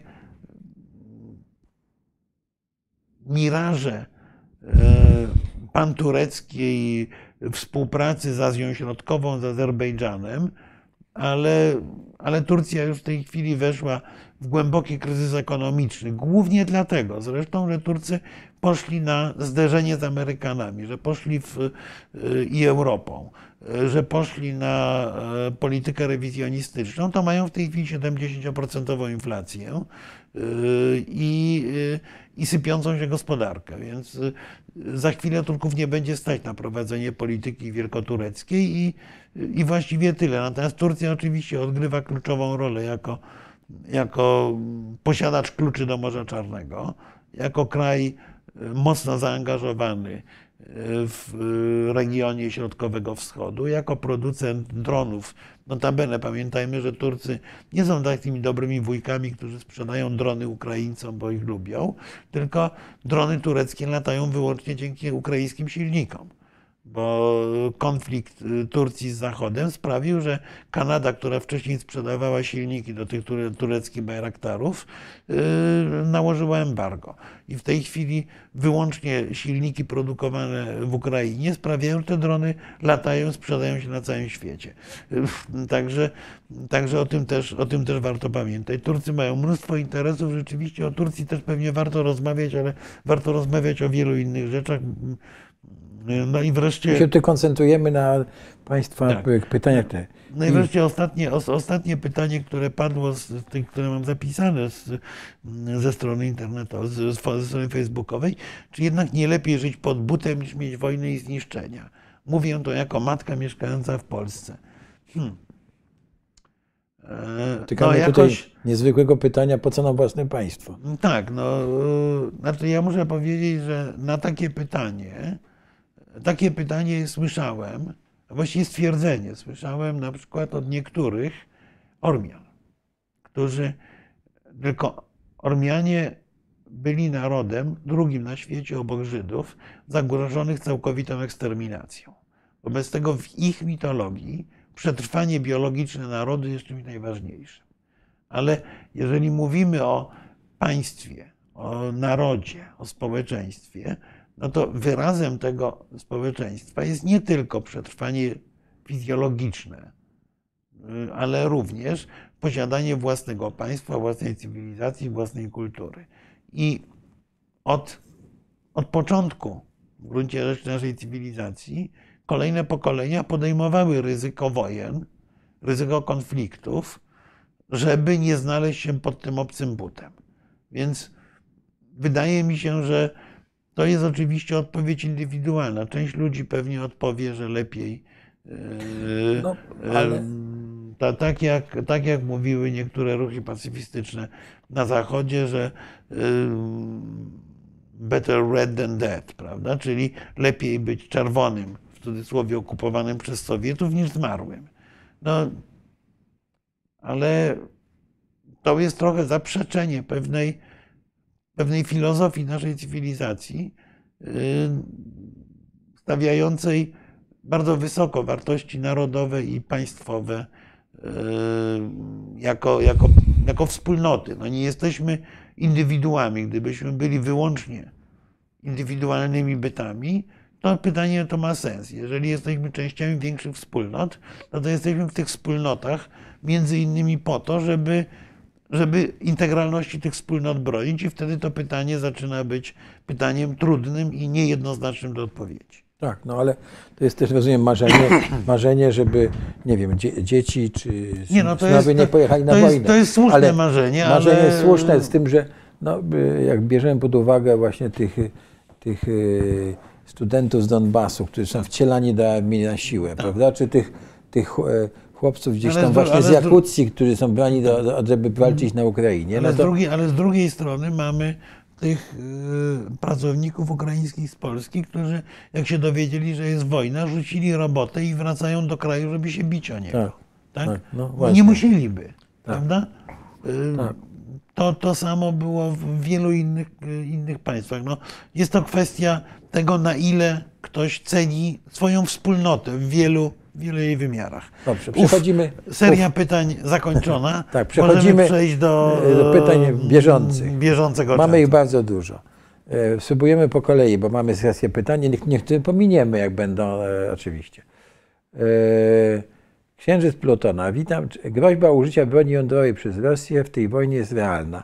Jakie międzynarodowe konse- konsekwencje dla Rosji miałoby użycie taktycznej broni jądrowej na terytorium Ukrainy? Miałoby jakieś? Miałoby gigantyczne. Miałoby, Ro- Rosja zostałaby pariasem. E, W tym momencie wszelkie zabiegi Rosjan, żeby, e, żeby dogadać się z państwami Azji, a próbują z różnymi, z Indiami, z Pakistanem, z Chinami oczywiście i tak dalej, e, to, to by poszło do, do, do śmieci. Państwo, które zdecyduje się na użycie broni atomowej, najprawdopodobniej zostanie czarną owcą świata i może się narazić na atomową odpowiedź, bo pamiętajmy, że, że to będzie zerwanie pewnego tabu. Wydaje mi się, że e, nawet użycie taktycznej broni na terenie Ukrainy jest politycznie niesłychanie ryzykowne, aczkolwiek uważam, e, podobnie jak autor tego pytania, że nie jest nierealne. E, Niestety. Katarzyna Zielińska pyta nas, e, stwierdza, bo trzy pytania są. Intencje Rosji w zasadzie po, od e, 2014 roku, a właściwie nawet wcześniej były jasne. Wojna na Ukrainie była nieunikniona, tymczasem polska polityka kręciła się wokół prób skonfliktowania nas ze wszystkimi. To To są, dwie, to są dwa różne Tak. stwierdzenia. Ja muszę E, powiedzieć tak. Pani Katarzyna, że e, ja, zresztą podobnie jak ogromna większość analityków, uważaliśmy, że wojna e, na Ukrainie nie jest nieunikniona, przynajmniej w tej skali, w jakiej wybuchła, bo wojna rzeczywiście trwała do roku 2014, to prawda. Natomiast zakładaliśmy, że Rosjanie będą próbowali opanować Ukrainę. To, jest, to, to rzeczywiście było poza dyskusją, natomiast będą starali się to robić metodami pokojowymi, ekonomicznymi, nie rozkręcając wojny pełnym wymiarze. Natomiast pełna zgoda, polska polityka kręciła się wokół prób skonfliktowania nas ze wszystkimi, ale to jest trochę tak, jak e, w poprzednich pytaniach było, że, myśl, że ludzie, którzy rządzą w tej chwili Polską, uważają, że jesteśmy supermocarstwem, które może całemu światu dyktować warunki i zachowują się w ten sposób, że jak dyplomacja rosyjska i sowiecka walą pięścią w stół i nie uważają e, za potrzebne negocjowanie z kimkolwiek, czegokolwiek. No, Y, I skończyło się to istotnie, istotnie skonfliktowaniem ze wszystkimi sojusznikami w potencjalnym starciu z Rosją. Putin zrobił nam prezent w postaci wojny, która sprawiła, że Polska w ogóle została znowu dostrzeżona i dopuszczona do, do stołu rozmów ze względu na geografię, ze względu na nasze zaangażowanie i tak dalej, i tak dalej. bo Pani Katarzyna pyta, dlaczego do tego doszło, do tego skłócenia. No to chyba jest No, pytanie dlatego nie do nas. tego doszło, że. To- nie do nas, nie do znaczy, nas. Ja myślę, że to, to jest w ogóle bardzo ciekawy temat, na który pewnie Mhm. próbują odpowiadać socjologowie, pani Katarzyno. E, To jest e, kwestia, którą przeżywa sporo krajów, nie tylko Polska. Pewnego rozbicia dotychczasowego konsensusu dotyczącego e, sprawowania władzy. Do tej pory demokracja przedstawicielska to była demokracja, e, w której obywatele cedowali część swoich uprawnień przedstawicielom elit, ale jednocześnie tym elitom w jakimś stopniu wierzyli. Ta komunikacja była z tym, pomiędzy elitami i resztą obywateli była skanalizowana do mass mediów, gazet, telewizji, radia. W momencie, jak pojawiła się e, po pierwsze tak zwane reality shows, które e, złamały hierarchię autorytetów, pojawili się celebryci i tak dalej, i tak z jednej strony. Z drugiej strony pojawiła, pojawił się internet i media społecznościowe, które właściwie likwidują hierarchię.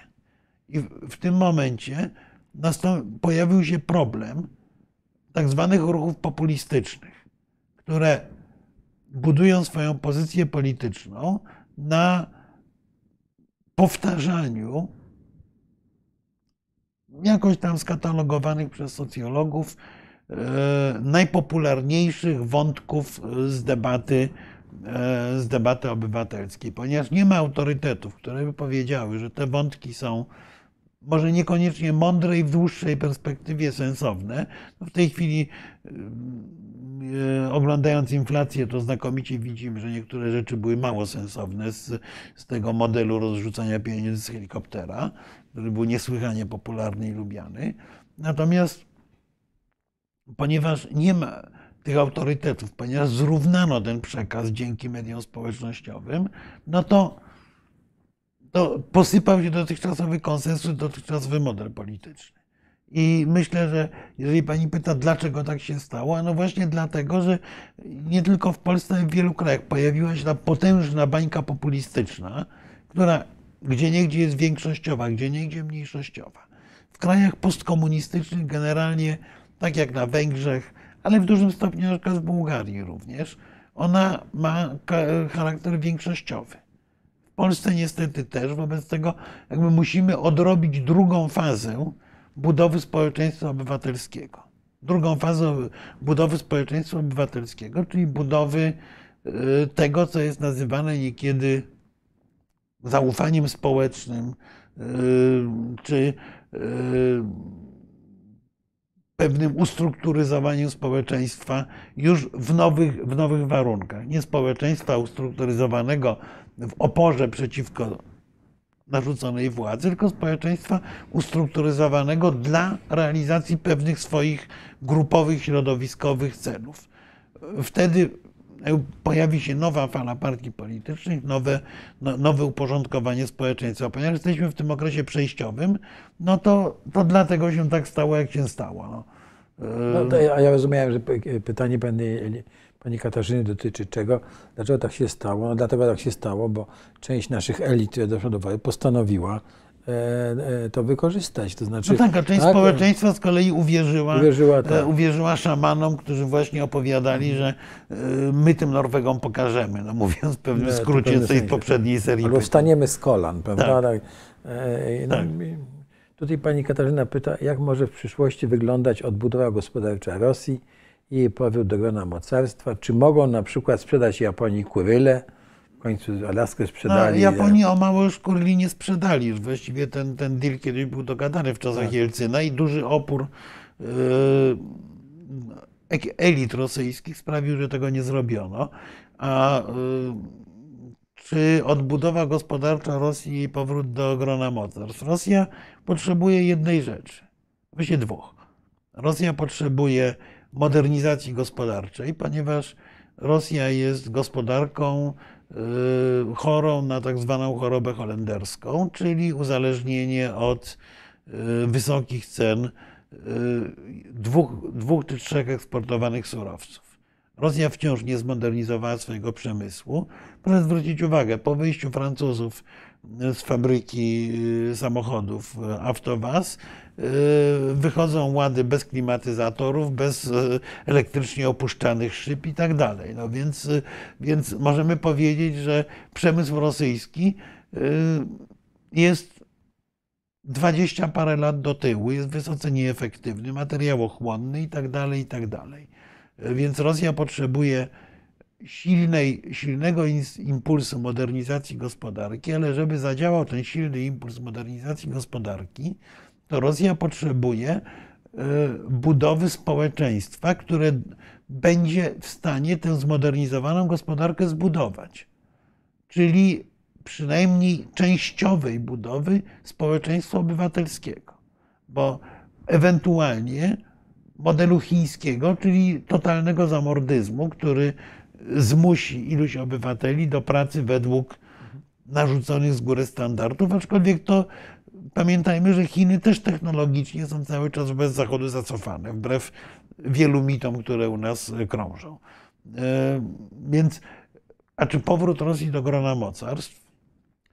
E, ja się zgadzam z tym, co mówił tutaj kiedyś u nas profesor Berski, który mówił, że w nowym rozdaniu będą liczyły się mocarstwa cywilizacji takie jak Indie, jak Chiny, jak Stany Zjednoczone, jak może być może przyszłościowa Europa, jeżeli Rosja potrafi się zredefiniować cywilizacyjnie i zmodernizować gospodarczo, to być, być może powróci do grona mocarstw. Jeżeli nie, to czekają prawdopodobnie degradacja i jakiś długi okres dziwnej, nie, nie do końca oczywistej w swoich konsekwencjach smuty.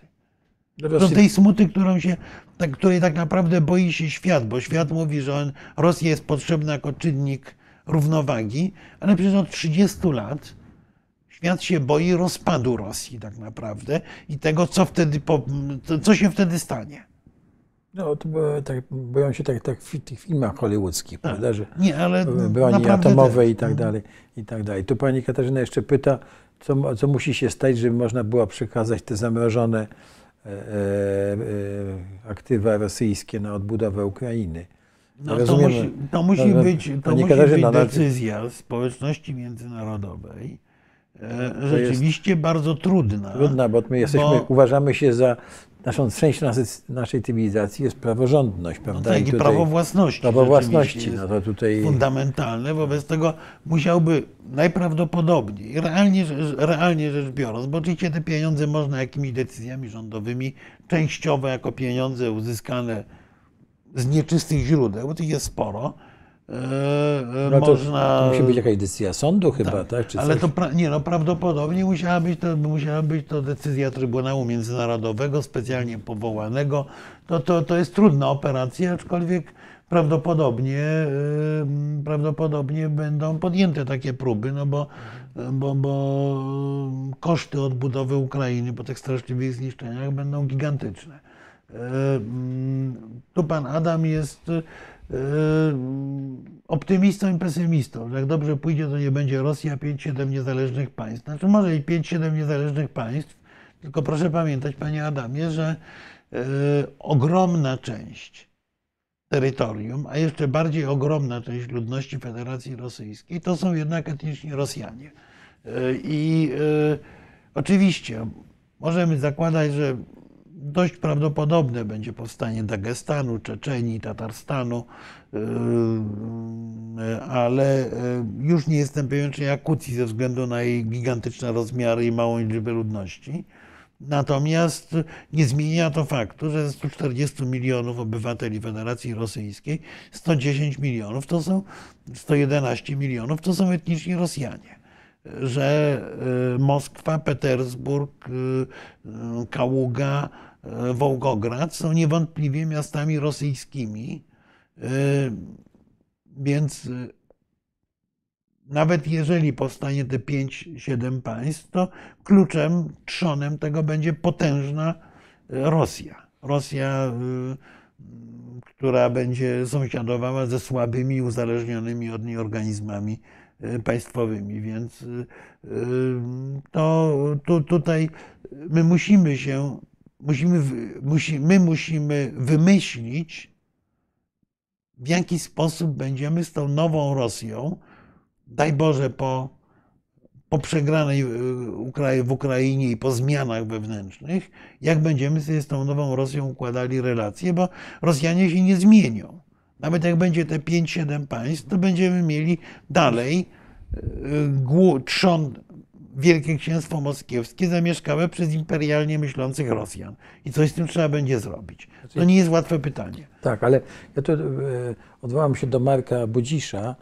On napisał tą książkę Wszystko jest wojną. Wszystko jest wojną. Tak, i tam on bardzo ładnie e, e, tłumaczy, że Rosja to jest takie państwo, że nie społeczeństwo kształtuje elity, tylko elity kształtują społeczeństwo. Zatem być może te, ci młodzi Rosjanie staną się takimi elitami, którzy zmienią to społeczeństwo. E, Być może taka jest szansa, nie, nie wiem, ale to, to jest. e, No, ale, to, ale to, jest, to, jest bardzo, to jest bardzo długi pro, proces. proces, tak. Zresztą tutaj pan Max powiada, że może dojść do, prolifer, do, prolifer, do proliferacji broni jądrowej. Tak, może dojść i to jest główna obawa Zachodu. Y, I ja myślę sobie, bo ja niesłychanie wysoko oceniam Borysa Jelcyna, który jest nielubiany w Polsce, który jest opisywany jako głupkowaty pijak, co jest nieprawdą. Y, Jelcyn ocalił tak naprawdę świat przed wojną domową w Związku Sowieckim, czy w obszarze postsowieckim, taką, jaka odbyła się na terenie byłej Jugosławii. Tylko właśnie ta wojna odbyłaby się przy użyciu broni atomowej i przy oczywistej rozprzedaży przez różnych złodziei, przynajmniej części, części broni atomowej y, do jakichś terrorystów czy państw bandyckich w rodzaju, w rodzaju Korei Północnej. Więc y, oczywiście, oczywiście takie gigantyczne zagrożenie proliferacją istnieje i między innymi dlatego goście tacy jak Henry Kissinger powiadają, że, e, że Rosja Należy- jest ważnym czynnikiem równowagi, bo się tego po prostu boją. Boją, tak. Tutaj pan Adam, jakich argumentów powinna używać Polska wobec Amerykanów, żeby przekonać ich do pozostania w Europie? I do tego, że ich je wie. Znaczy, No, starego, Amerykanie- starego argumentu, którego, e, który przekonał Amerykanów niestety po bardzo bolesnym doświadczeniu II wojny światowej, że jak się wycofają, to zrobi się taki bałagan, że no znowu musieli przyjeżdżać i sprzątać. E, mu- Mówiąc pół żartem, pół serio.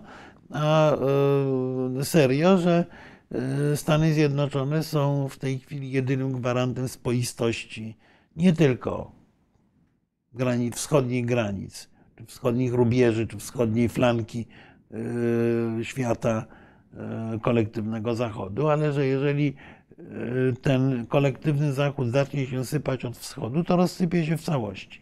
I Stany Zjednoczone pozostaną osamotnione wobec agresywnych potęg y, y, zewnętrznych i prawdopodobnie będą zmuszone dużo większym kosztem niż y, wcześniej y, y, znowu, znowu odbudowywać, odbudowywać Europę, bo, bo, bo to, ten europejski partner jest Ameryce po prostu potrzebny. To, to jest argument podstawowy. Y, Ale oczywiście nie jestem pewien, czy jest w stanie wszystkich Amerykanów przekonać. Myślę, że z trudem przekonywał Donalda Trumpa na przykład. Tak, ale słuchaj, czy to nie jest tak jednak, że Amerykanie e, od, od pewnego czasu chcieliby mieć silną Europę e, i się e, wycofać stąd w sensie takim, żeby nie mieć tutaj wiecznych... Znaczy Amerykanie nie chcą przyjmować wyłącznej odpowiedzialności Tak, no właśnie za o tym Europę. No mówię, to zgoda. prawda? Natomiast na, na razie bez Amerykanów po prostu to się posypie wszystko w dwa tygodnie. No taka jest prawda, że Europa nie była w stanie, Francja nie była w stanie interweniować w Afryce bez amerykańskich samolotów. Europejczycy nie byli w stanie doprowadzić do e, pokoju w byłej Jugosławii bez udziału Amerykanów i tak dalej, i tak dalej. Wobec tego, wobec skrajnie asertywnej polityki rosyjskiej, która, którą widzimy w tej chwili, agresywnej polityki, wobec rewizjonistycznej polityki Turcji, brak Stanów Zjednoczonych na europejskim te- teatrze spowodowałby tak dziki bałagan, prawdopodobnie przeróżne lokalne wojny, konflikty, rozpad większości organizacji, że Amerykanie by musieli tu za chwilę przyjeżdżać, bo, bo, bo Europa by się stała y, kondominium chińsko-rosyjskim, gdyby ich tu nie było. To, to chyba rozumieją zresztą, aczkolwiek ich to nie cieszy. Tutaj ciągle się przewija ten e, obwód kaliningradzki jako Tak, niepodległe e, państwo, które może się pojawić, że cią, Znaczy, ciąży były, do... Panie Adamie, były takie tendencje, żeby obwód kaliningradzki bądź zautonomizować, bądź był niepodległy. Tylko pamiętajmy o jednej prostej rzeczy. że Obwód kaliningradzki jest zamieszkiwany przez określoną ludność. Ta ludność to są Rosjanie w ogromnej większości. I co? Mają być wysiedleni? No, polityki wysied, politykę wysiedleń prowadzą państwa totalitarne, a nie demokratyczne, więc raczej nie. Czyli mielibyśmy Rosjan, to Rosjan bardzo specyficznych, bo ogromna część mieszkańców okręgu kaliningradzkiego to są wojskowi albo byli wojskowi. Czyli jeszcze ludzie o pewnej dość szczególnej y, konstrukcji mentalnej i, i, i politycznej. Y, proszę pamiętać, że na przykład poparcie dla partii Żyrynowskiego było w Kaliningradzie jednym z największych y, w całej Federacji Rosyjskiej. Czyli ci mieszkańcy Kaliningradu są bardziej wielkoruscy nawet niż mieszkańcy Petersburga. Czyli mielibyśmy z tym pewien kłopot. Natomiast daleko posunięta autonomia, długotrwała współpraca gospodarcza, specjalne warunki tej współpracy, pewna zmiana pokoleniowa, być może za pokolenie sprawiłaby, że Kaliningrad y, zacząłby aspirować do roli nowego Wielkiego Nowogrodu. Ale czy tak by się stało, nie wiem. A na pewno jest to proces bardzo długi, którego obawiam się, że większość z nas by nie dożyła. Y, trzeba zaczynać od y, nadziei na to, że będzie to że będzie to obszar autonomiczny, nastawiony na rozwój gospodarczy, a nie e, niezatapialny lotniskowiec, bo szczególnie po wejściu Szwecji i Finlandii do NATO wartość tego lotniskowca znacząco spada tak naprawdę, bo, nie, bo jest nieskomunikowany. I to pierwsze pytanie o kraje bałtyckie, oznacza właśnie między innymi tyle, że e, do Kaliningradu jest bardzo trudno przerzucić znaczące siły wojskowe. W zamyśle Stalina, jak zajmował Prusy Wschodnie i przyłączał je do Rosji, to, miał być, to miała być podstawa operacyjna do ataku na zachód. W tej chwili jest to trudne, żeby było tą podstawą operacyjną do ataku na zachód, bo zarówno morzem, jak i, jak i lądem będzie ciężko przetransportować tam znaczące siły, znaczące siły zbrojne. Poza tymi, które tam już są. Jasne. E, e, CPK powinno zaczynać swoje wici kolejowe w Odessie. Ja rozumiem, że to jest taki e, rzucenie jakiegoś hasła, ale niezwykle istotne jest. No i jest, sobie, jest, jest pytanie o to, czy zdołamy wywieźć to zboże ukraińskie nie kolejami. Nie zdołamy. Nie zdołamy. Tak. Zdołamy wywieźć trochę i bardzo dobrze powinna być taka alternatywna ścieżka, ale jest to w zależności od obliczeń od 5 do 20% tego, co, co, co, co tak, można wywieźć. Trzeba, y, A, nie ma wagonów, nie, tory kolejowe tak, są różnej no, szerokości, nie, no, wymaga inwestycji w no, portach i tak dalej. I tak dalej. Przy wszystkich naszych różnych antyniemieckich fobiach, które są nieustannie objawiane, co się okazuje, że głównym partnerem Ukrainy w eksporcie zboża skądinąd przez Polskę jest Deutsche Bahn. Mhm. Bo, bo oni mają przynajmniej wagony. Tak. Natomiast e, z tym początkiem w Odesie jest jedna ważna rzecz, że rzeczywiście premier Szmychal obiecał, że Ukraina będzie przechodziła na europejski standard torów i że pierwszą taką magistralą kolejową w europejskim standardzie ma być właśnie trasa Lwów-Odessa, czyli tak naprawdę do Polski. Do tak. Polski.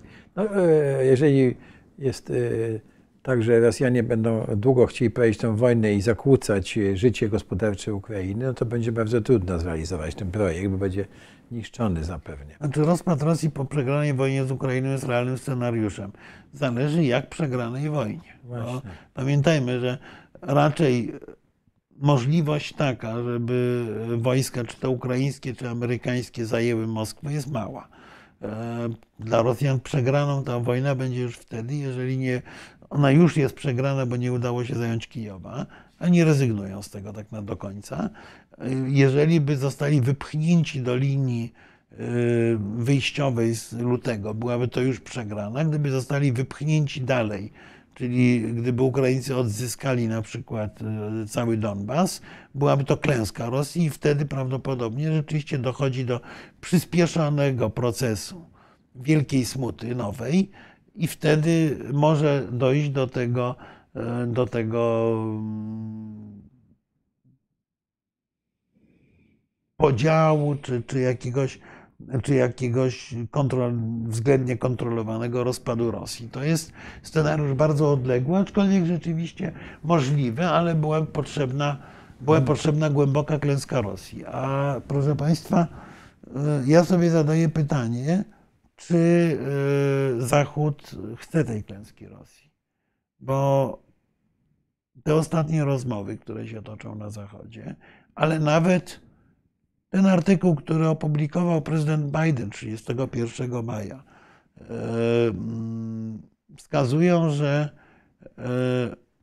w myśleniu partnerów zachodnich, a oni są tu decydujący, oni dostarczają broń, amunicję, pieniądze i tak dalej. A raczej leży doprowadzenie do zgniłego pokoju, do sytuacji, w której, w której nie będzie wygranych i przegranych w tej wojnie, co jest bardzo trudne, jeżeli nie niemożliwe, ale myślę, że w tym kierunku idzie myślenie. Bo jeżeli Ukraina nie dostanie samolotów, czołgów, nowoczesnej broni ciężkiej, nie wygra tej wojny. Może, może się obronić. Bo na razie zwróćcie Państwo uwagę, wsparcie dla Ukrainy jest wsparciem pozwalającym Ukrainie się bronić skutecznie. Natomiast już nie bardzo kontratakować. To jest inny, inny, inny rodzaj broni, inny typ w ogóle współdziałania i Amerykanie wprost na zachodzie Europy jeszcze bardziej wprost mówią, że nie są jeszcze przekonani do dostarczenia tego typu tego typu uzbrojenia. Ano właśnie dlatego, że boją się, że ta przegrana wojna będzie znaczyła, e, że, e, że zaczyna się rozpadać Rosja i że mają nowy kłopot. E, nie bardzo mają z kim gadać i tak dalej, i tak dalej. No bo tutaj jest, czy w naszym interesie jest utrzymanie się Putina przy władzy. To nie jest tylko Putin, to jest kolektywny Putin po pierwsze, czyli całe środowisko skupione wokół niego, e, dlatego że, proszę Państwa, to nie jest tak, że Rosją rządzą służby specjalne. Ja się nie zgadzam z tymi autorami, bardzo często piszącymi e, i w Polsce, i za granicą, że Rosją rządzi KGB. A dokładnie, Rosją rządzi KGB, ale KGB nie jako służba specjalna, tylko jako partia władzy.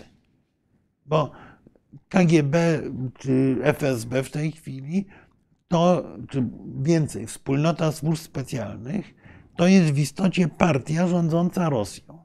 Ale bo jest to jedyna struktura, która scala Rosję.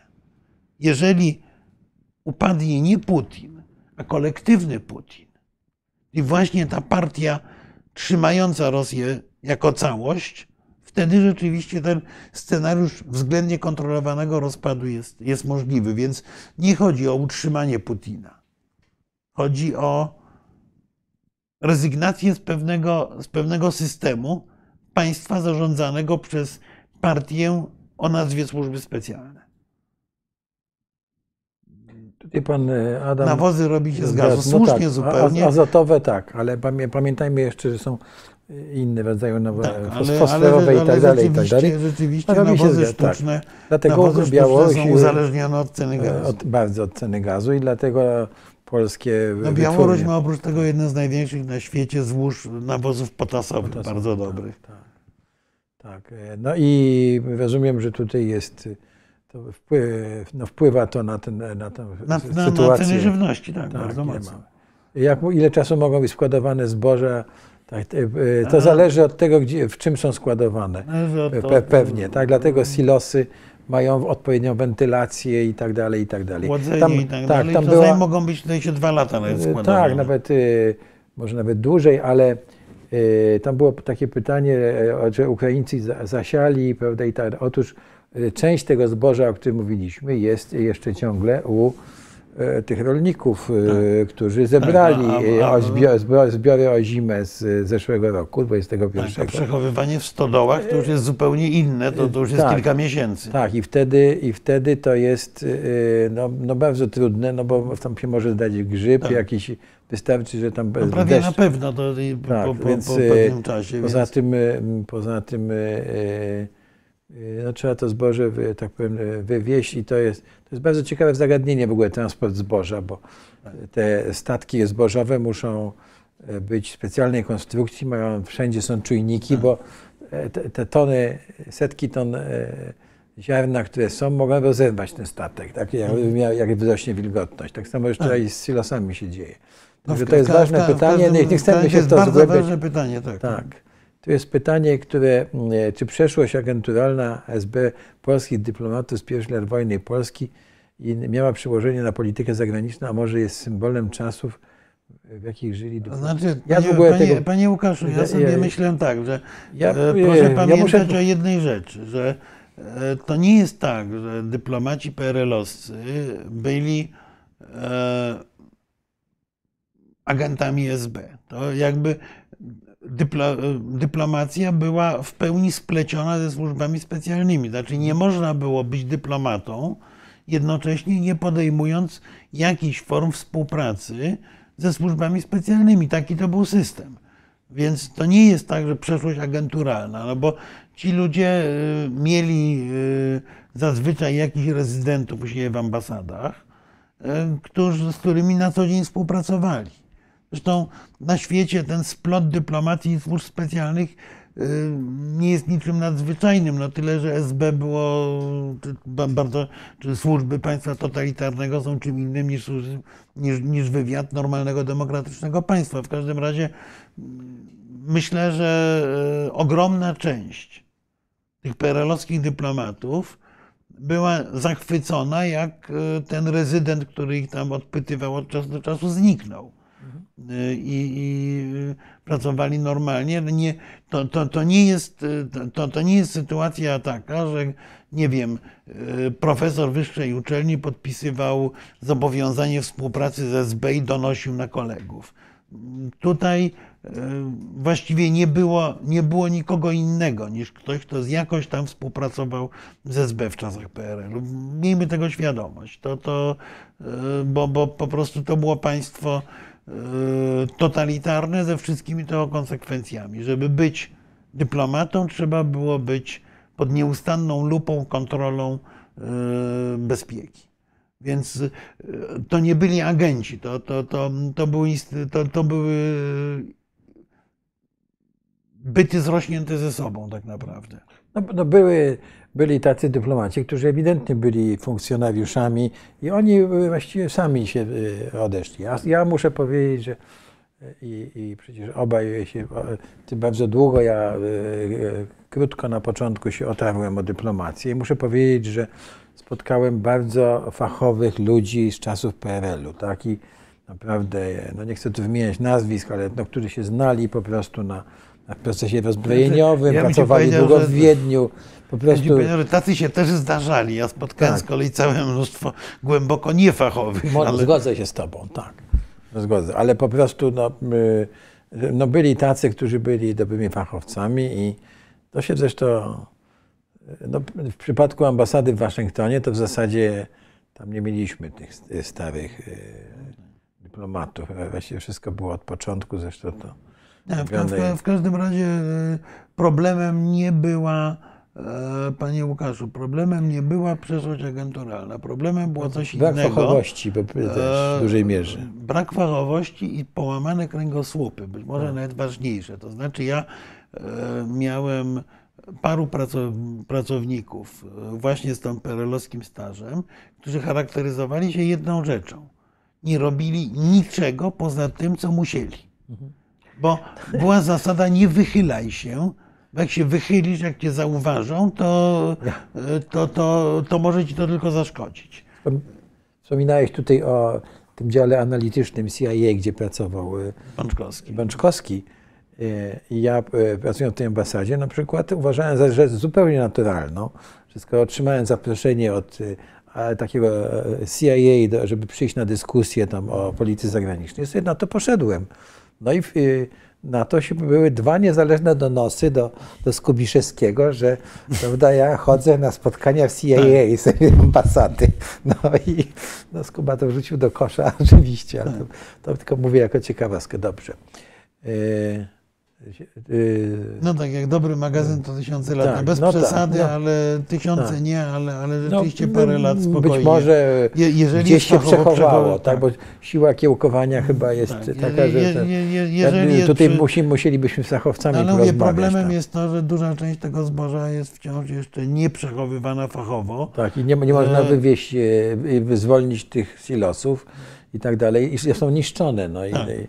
I, że gospodarstwa na Ukrainie są też ostrzeliwane z intencją, żeby zniszczyć e, możliwość za- zasiewów. Zasiewy A gdzie leży nie- granica, poza którą wojna stanie się nieopłacalna? No to jest bardzo dobre pytanie. E, Ja myślę, że to nawet nie chodzi e, o nieopłacalność. Chodzi o to, że już blisko, jak się wydaje, jesteśmy granicy, w której oba państwa, i Ukraina, i Rosja, będą tą wojną śmiertelnie zmęczone. Że po prostu intensywność wojny osłabnie. Najzwyczajniej z, z tego powodu, że zacznie brakować amunicji, że zacznie brakować y, sprzętu, że zacznie brakować determinacji i tak dalej, i tak. No, oblicza się, że y, ta wojna w obecnym stanie intensywności może trwać gdzieś do połowy września. Potem ta intensywność będzie musiała się obniżyć. Natomiast opłacalność polityczna, no kłopot z tą wojną polega na tym, że ona nie ma rozwiązania. Żadne rozwiązanie tej wojny nie pozwala obu stronom zawrzeć kompromisu. Dlatego, że z jednej strony Putin się zapędził, z drugiej strony y, władze Ukrainy nie mają przyzwolenia społecznego na jakiekolwiek cesje terytorialne. Obie strony opowiadają propagandowe banieluki o swoim zwycięstwie, bo jeszcze nikt tej wojny nie wygrał tak naprawdę. Natomiast zarówno społeczeństwo rosyjskie, jak i społeczeństwo ukraińskie są przekonane, że tę wojnę wygrywają. Wobec tego zgoda społeczna na ustępstwa jest bardzo niewielka. Y, I y, na razie nie widać realnego pola kompromisu, które pozwoliło na, na zakończenie tej wojny. Raczej ta wojna będzie wygasać przez zmęczenie. Ale daj Boże, żebym się mylił, żeby było jakieś sensowne roz, rozwiązanie polityczne. Dla obu stron politycznie, jedynym politycznie opłacalnym rozwiązaniem jest totalne zwycięstwo. I oczywiście obie strony by na tym totalnym zwycięstwie przegrały. Ale to już jest jakby zupełnie, zupełnie inna historia. W razie nie widać sensownego rozwiązania politycznego. Próbują to rozwiązanie polityczne w, różnym, w różny sposób suflować państwa zachodnie, ale jest to suflowanie raczej na rzecz Rosji. Y, Nie sądzę, żeby, nie sądzę, żeby to rozwiązanie było na razie możliwe. Y, Tutaj jest pytanie o zasiewy. Ja y, nie umiem na to od- odpowiedzieć. Mu- Musiałbym się bardziej zainteresować, y, jaki jest klimat i tak dalej. W każdym razie, jeżeli tam były zasiewy o zimę na Ukrainie, no to w, w lutym 22 Tak, w dużej 20 części zostały zasiane, Zasiane, tylko, tylko nie można to zebrać. Tak. Za, chwilę, za chwilę będą zbiory. Y, A y, jakieś, część 30, została zniszczona, tych jakieś pól. 30% tych pól jest w, Tak, w tak. polu oddziaływania wojny. Tak, leżą miny i tak dalej, więc y, to albo co... są miny, albo, albo strzelają po prostu, albo, strzelają są rozjechane czołgami, więc Poza tym y, y, tam, gdzie była wojna i okupacja, chociaż nawet krótka, maszyny, traktory są popalone e, i tak dalej, i tak dalej. No nie ma sprzętu, nie ma, nie ma czym, nie ma... Poza tym jeszcze te stare zasoby zboż w gospodarstwach nie zostały sprzedane, więc ci rolnicy nie mają kapitału. Także to jest ma- masa problemów z tym związanych. Tak, no ale I- no, generalnie zwróćmy uwagę, że również w Rosji te plony się zmniejszają, zaangażowanie się zmniejsza, bo kraj będący w wojnie ma inne priorytety po prostu i, i koniec, więc y, a jeżeli te, te dwa kraje są spichlerzem świata, no to tym bardziej zaczyna być tym kłopot. Y, mm, Mamy... e, Mamy technologię i know-how, jak zrobić No to dobre nawozy. ja nie umiem, się tego, pod- nie umiem się tego E, odnieść. Tak, mamy, mamy technologię, mamy zakłady puławskie, mamy zakłady Tak, no wszystkie- w Policach, mamy zakłady Tak. w Tarnowie, tylko pamiętajmy o No. jednej rzeczy. Te, wszystkie te zakłady produkujące nawozy azotowe w Polsce, oczywiście dobre, e, są uzależnione od gigantycznych dostaw gazu. Większość gazu zużywanego w Polsce zużywają te trzy firmy. Ale ja tutaj podejrzewam, że ten pan, pan e, e, Sta, P, e, mówi, że moglibyśmy jakoś inna, inny nawóz produkować. No nie, no to chyba nie- nie, no bo chyba, nie wiem, bez, chyba- bez gazu się tego nie da nie, zrobić. bez no. gazu się nie da, a jeśli chodzi o jakieś inne, to też nie mamy ani tych mineralnych Tak. czy zasobów. e. No ale trzeba pogłębić temat. Gdyby nie ropa, to, to, była zaobita wiochami. No, No to niestety, no, no, no, no, to jest to, co nazwałem no tutaj e, e, gaz też mamy, tylko Niemcy. Znowu, znowu, chorobą. No. Znowu ci Niemcy się pojawiają, którzy nam zabraniają wydobywać ten gaz, który mamy. E, O, No, nie zauważyłem, że nam za, zabraniali wydobywać gaz, ale, e, ale może autor pytania ma jakieś nowe, e, nowe wiadomości. Adam bo- Kluska się odnosi pewnie do czegoś, Wiocha i tak dalej, ONZ do likwidacji, bo jest niebawem wydolna instytucja. Jaką rolę w kryzysie żywnościowym będzie miała do odegrania ONZ i inne wyspecjalizowane organizacje międzyrządowe? No, A, nowy- powinny, powinny mieć kluczową, ale są kluczową- sparaliżowane przez. Tak, no, przypomnijmy sobie, prawda, że o, o wizycie sekretarza generalnego y, w Rosji, gdzie on mówił o tych y, y, problemach, no i, i nic nie uzyskał. Był też prezydent Senegalu u, tak. Senegalu u Putina niedawno stosunkowo, gdzie też nic nie uzyskał. Putin go po prostu zbyły, to prawda, że, Nie, no, że kłopot, Rosja oczywiście chce, ale to wszystko wina Ukraińców i tak dalej, i tak dalej. kłopot z Organizacją Narodów Zjednoczonych Tak. jest taki, że ona jest e, właściwie wyłącznie w tej chwili polem do utrzymywania kontaktów pomiędzy państwami, jego możliwości, o możliwości sprawcze ONZ-u w sytuacji głębokiego konfliktu państw autorytarnych, nazwijmy to, z państwami e, pro, promującymi liberalną demokrację jest taki, że właściwie ja- jakakolwiek decyzja jest blokowana, bo realne decyzje w ONZ podejmuje Rada Bezpieczeństwa. W Radzie Bezpieczeństwa jest pad decyzyjny. E, Z jednej strony Rosja, Chiny, z drugiej Stany Zjednoczone, Wielka Brytania, Francja.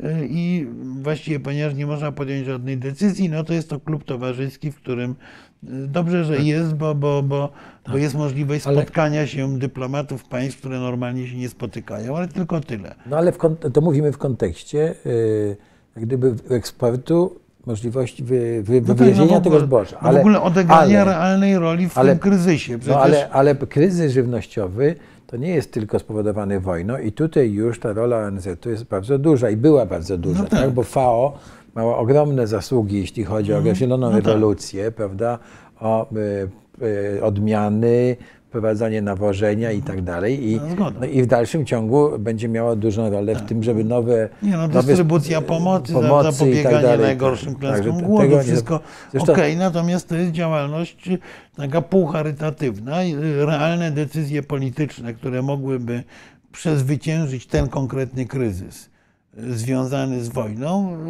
y, są poza zasięgiem ONZ-u. Tak.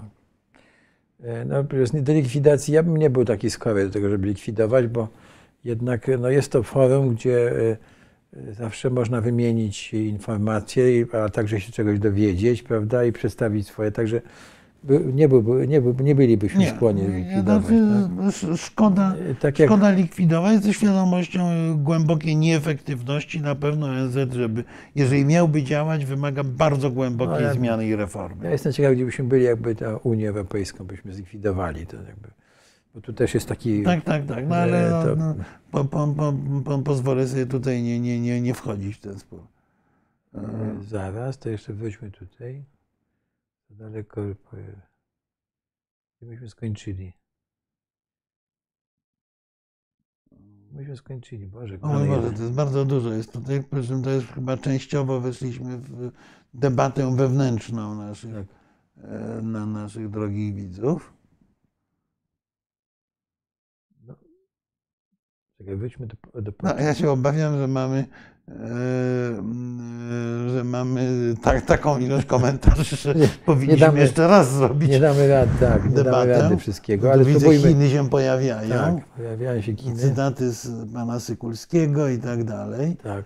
E, Yy, mm, Pojawiła się tak, że wojna chińsko-rosyjska to automatycznie indyjskie działania w Tybecie.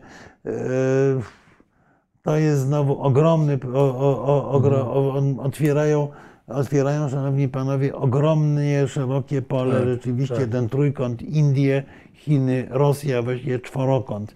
Indie, Chiny, Rosja, Stany Zjednoczone to jest czworokąt w istocie decydujący, decydujący o świecie, ale e, to nie jest tylko kwestia Tybetu. Indie i Chiny są naturalnymi od tysiącleci rywalami.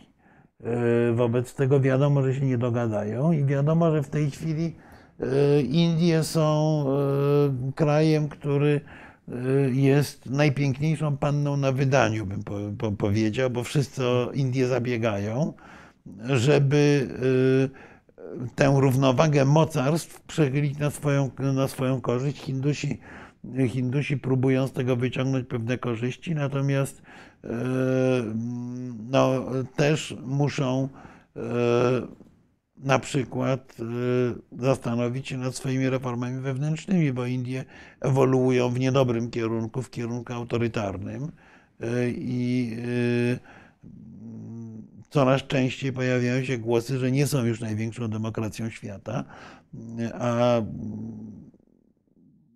ich wybór będzie wyborem dość kluczowym. Słuchaj, jeszcze jedno, to skomentujmy, dobrze? Bo już jest y, dwie godziny Tak, już. ponad dwie godziny Tak, mamy. i tu jest takie stwierdzenie pana Kluski, że ta wojna szybko byłaby dla wszystkich racjonalna, gdyby Rosjanie uporali się z Ukrainą w dwa tygodnie. Znaczy, no niestety, nie, nie, Nie wiem, czy była racjonalna. niestety tak. Znaczy, Ale- nie byłaby racjonalna, ale, Ale wszyscy odebrali z ulgą. Wszyscy by uz- uznali, tak, wszyscy by uznali, że stało się to, czego się spodziewali, bo wszyscy się spodziewali sukcesu rosyjskiego. Bądźmy szczerzy, większość z nas też, bo, bo y, ja pamiętam te pierwsze dni wojny, zaczynałem dzień rano od sprawdzenia, czy już zajęli Kijów. Bo wszyscy byli przekonani, że to kwestia dni. E, Więc y, oczywiście świat by to przełknął, nałożył sankcje na Rosję, y, nie takie jak teraz, ale pewnie jakieś. Y, Znowu zrobiono by krok wstecz, natomiast Rosjanie wtedy prawdopodobnie poszli dalej niestety, Tak. bądźmy tego świadomi. Byśmy I jakieś- mieli być, być może mielibyśmy ich, bałtyckich, y, y, albo i u nas. albo i u nas, E, tak. Więc y, też warto mieć tego świadomość. Uznano by to za racjonalne, tylko że strzelba raz zdjęta ze ściany musi, być, y, musi wystrzelić, więc to by, to by poszło prawdopodobnie dalej. Ale, ale ja się zgadzam, że, że wszyscy, y, że wszyscy y, zakładali, że tak będzie. Proszę Państwa, czyli zapraszamy w środę. W środę na 18. rozmowę o Jakiej tym, Rosji- jakiej Rosji, jakiej Ukrainy Ukrainy Polacy Polacy potrzebują. potrzebują.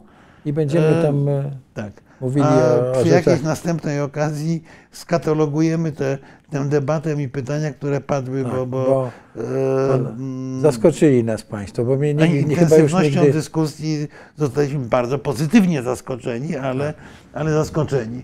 E, Więc Muszę przyznać, że coraz mniej jest takich, e, takich e, quasi mm, tr- troli e, u nas, prawda? tak, tak, tak, tak, taki- tak. No nie, no jest, dy- dyskusja jest i dziękujemy Państwu Dziękuję za. Dyskusja jest bardzo, jest bardzo poważna, bardzo serio.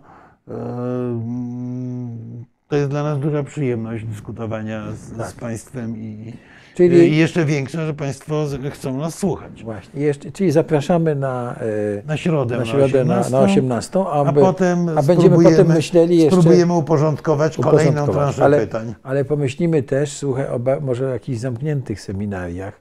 Co? No być dla, może tak. Dla, dla chętnych może tak, by, żebyśmy mogli się tak e, spotkać twarzą w twarz. To, czyli na razie do zobaczenia w środę. Do zobaczenia w środę. Dziękujemy Dziękuję Państwu bardzo. bardzo.